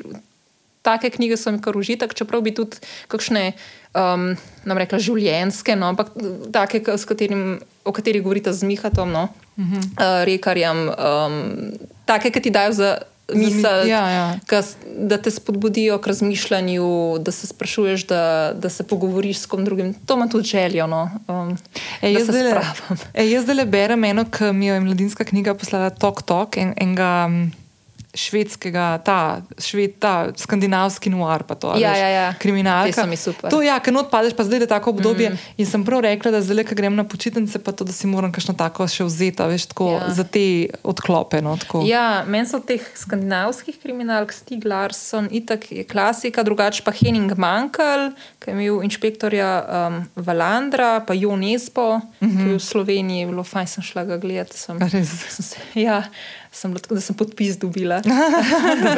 Um, To je to. Zdaj sem spet obdobje, tako kot pri slaščicah, imam očitno tudi pri knjigah. Imam lahko obdobje, ko vsak mesec 4-5 knjig preberem, mm -hmm. potem pa eno ali pa še nobene na mesec. No, Ja, ja, tako. ja, vse smo isto. Ja, pač na, Tudi so se malo pustiš toku, ne, Ja, pele. nočem neki na silo brati, no, mm. ker se, če te ne potegne knjiga. Jaz sem imela vedno to, če začnem brati, moram dokončati. E, jaz imam isto to. Jaz še, imam, jaz še vedno imam tako občutek, da če Ja. ne preberem knjige do konca, da, imam tako, da, da zdaj pa kar nekdo prši mi potrkati na vrata. Veš, ja, ja, ja, ja, no, zakaj nisi? ja, ampak v bistvu je to res tako malo smešen. Ne? Je, je, je. No, ja, to ta fora, da ne moreš končati, kar začneš. začneš, začneš Mogoče ja. ja. to, da pol spet, Ja. ja. da si nekaj narobe naredil, če pa nisi dokončal Ja. začetega. Ne? Ja, ja, res je. Tako Ja. da, ja. Ok, a je še kakšna stvar, ki sem te pozabila vprašati? Uh, podcasti, A, ja, no, dej. mogoče to. Lovim ravnotežje. No, Hvala, to se ti plača. Ne, to, ja, se, se vem, se tim dala pol TRR. Um, ne, hecam, ne, res spremljam, ful, ful super vsak petek, tako Thanks. z veseljem. Tako da, čeprav vem, da mora človek iti na dopust, včasih sem žalostna, ker ni pol tiste epizode v A petek. to je zato, ker sem ti zdaj umenila, kao, da mogoče kakšen teden umeti. Ne, Ja. kakšen teden zihar. Ker vem, da grem, vem, da grem neki julija, imam planit, uh, mislim, mava planit v, um, na eno točk tam na Hrvaškem, ki nima uh, omrežja. Uh, Ja, pa sem že fur razmišljala, da bom to maj, da rekla, da mi proba objaviti, pa sem mislila, pa da je en, me, Daj en teden vmes. ja.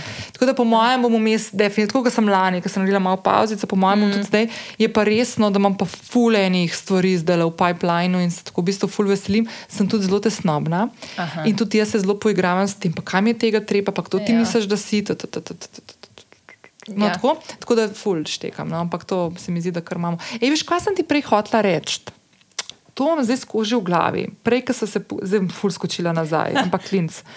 Um, lepota podcasta, da lahko to delaš. Ampak mm, prej, ko smo se pogovarjali o tem, kakšne teme lahko odpirate na nacionalnem radiju in televiziji. In kako pomembno je, da narediš tam, ki si rekel, koliko naprimer ene, ene teme. Kako mora nekdo, ki pripravlja neko vsebino za prispevek ali pa za oddajo, uh Mhm. -huh. koliko enih stvari prebere, Okrog, se ne, posvetuje, ja. Ja, zato da dobi ta širši pogled in da lahko pol sestavi neko avtorsko Ja. misel v nek koncept. Pa še kaj, sprašujem, kaj mota, še kaj vdaje sestavljena in predvajana, si misliš, lahko bi boljš naredil, Valjda, lahko bi. valjda. Tako kot vsak slikar, ki nariše, smisel, jo, to bi zdaj čez drugače Ja. naredil. Ja, ampak veš, pa, pa, veš, veš, kaj sem se spomnila in bom to zdaj prav podelila, ker se mi zdi tako ful pomembna zadeva. Jaz sem bila mogoče še dober mesec nazaj na enem dogodku, ki ga je organizirala uh, Ona Ve, to združenje, ki je med drugim pobudnica Marta Kos, pa Nataša Pirc Musar, pa bodoča ministrica Emilija Duh. No, in je Marta Kos gostila našega bivšega predsednika, dr. Danila Turka. In jaz, na primer, se njega skoraj da ne spomnim v vlogi predsednika, uh -huh. ker je tako na hitro šel umem. Ful se spomnim, sem, da sem bila ful vesela, ker je, bil, ker je zmagal. Ampak predvsem zaradi tega, ker sem si ful želela, da on skozi to svojo svetovljansko pozicijo pripele našo funkcijo predsednika države v, na to institucionalno raven, to, da, to je pa, da, da je častno. Ne? In imam občutek, da on je pol tako zvodenil, tako kar zginil, veš, en mandat je bil. Ne? Ja. In se v bistvu res ne spomnim tako zelo velik stvari. Ne? No, in ona, Marta Kosi, njega gostila na temo Ukrajine in uh, ukrajinsko-ruskega vprašanja. In kaj je bilo meni najbolj fascinantno, je, da jaz sem prvič doživela njega kot človeka, ko je govoril o neki zadevi, ki jo v bistvu zelo slabo poznamo. Veš, ne poznaš ti ne Rusije, ne Ukrajine, ne njihove zgodovine in tako naprej. Ampak kaj je meni ful všeč pri njemu in to je to, kar si ti prej nakazala in sem že prej hotela reči. Da je on skozi literaturo, skozi glasbo, skozi opere uh, povedal in nakazal, kaj se je v tem kotlu, rusko-ukrajinskem, dogajalo skozi zgodovino. Ne da bi zdaj nakazoval, kdo ima prav, kdo nima prav, ampak da je stvar res kompleksna. Da se razne zadržke tudi iz ukrajinske smeri do Rusov čuti v literaturi, v glasbi, v umetnosti. In meni je bilo tako, jaz sem sedela tako prav z odprtimi usti, ki mi je bilo tako neverjetno, mi je bilo, ker tega, veš, teh pogovorov, ful težko jih slišiš. Uh -huh. Ni prostora, vse se mudi, krajši prispevki, eh, omejitve, časovne omejitve, ful. Ja, in ne pride, navsezadnje exactly, ostalih, ja. in ne pride do izraza. Mm. In sem tako uživala v, taki, v, te, v tem pogovoru, sem si mislila tako, wow, ej, to je to, kar v bistvu si ful želim, da bi bilo več tega, da bi bilo več ljudi imeli možnost za take stvari poslušati. Mm. Ker mi je res tako amazing. Bilo, no. Ja, ja, ja, se to je lepota, kot si rekla, podcast. Pa da ti zamisliti, a Da veš, ti da ne. zamisliti. Res ti da ne. zamisliti, Da ja. greš na sprehod, magar, pa si daš slušalke na ušesa in poslušaš. In Ja. To je tudi ne, fajn za radio. Seveda moramo delati za, torej za radijsko občinstvo, ki posluša tisti trenutek radio. Hkrati je pa ta možnost, da se oddaje usmerijo tudi v podkaste. Ali pa zgolj- zimzelene pol, ne? Ja, ali pa potem zgolj sam, kot mm -hmm. podkaste delamo. No. Ja. Tako. Ej, koliko imate podkastov? Ful, ne? Uf, joj, na pamet ne vem, ker skoraj jih je, vsaka no. oddaja je tudi potem podcast kot podcast. Imamo pa tudi stvari, ki so zgolj podcasti, že omenjena evolucija užitka.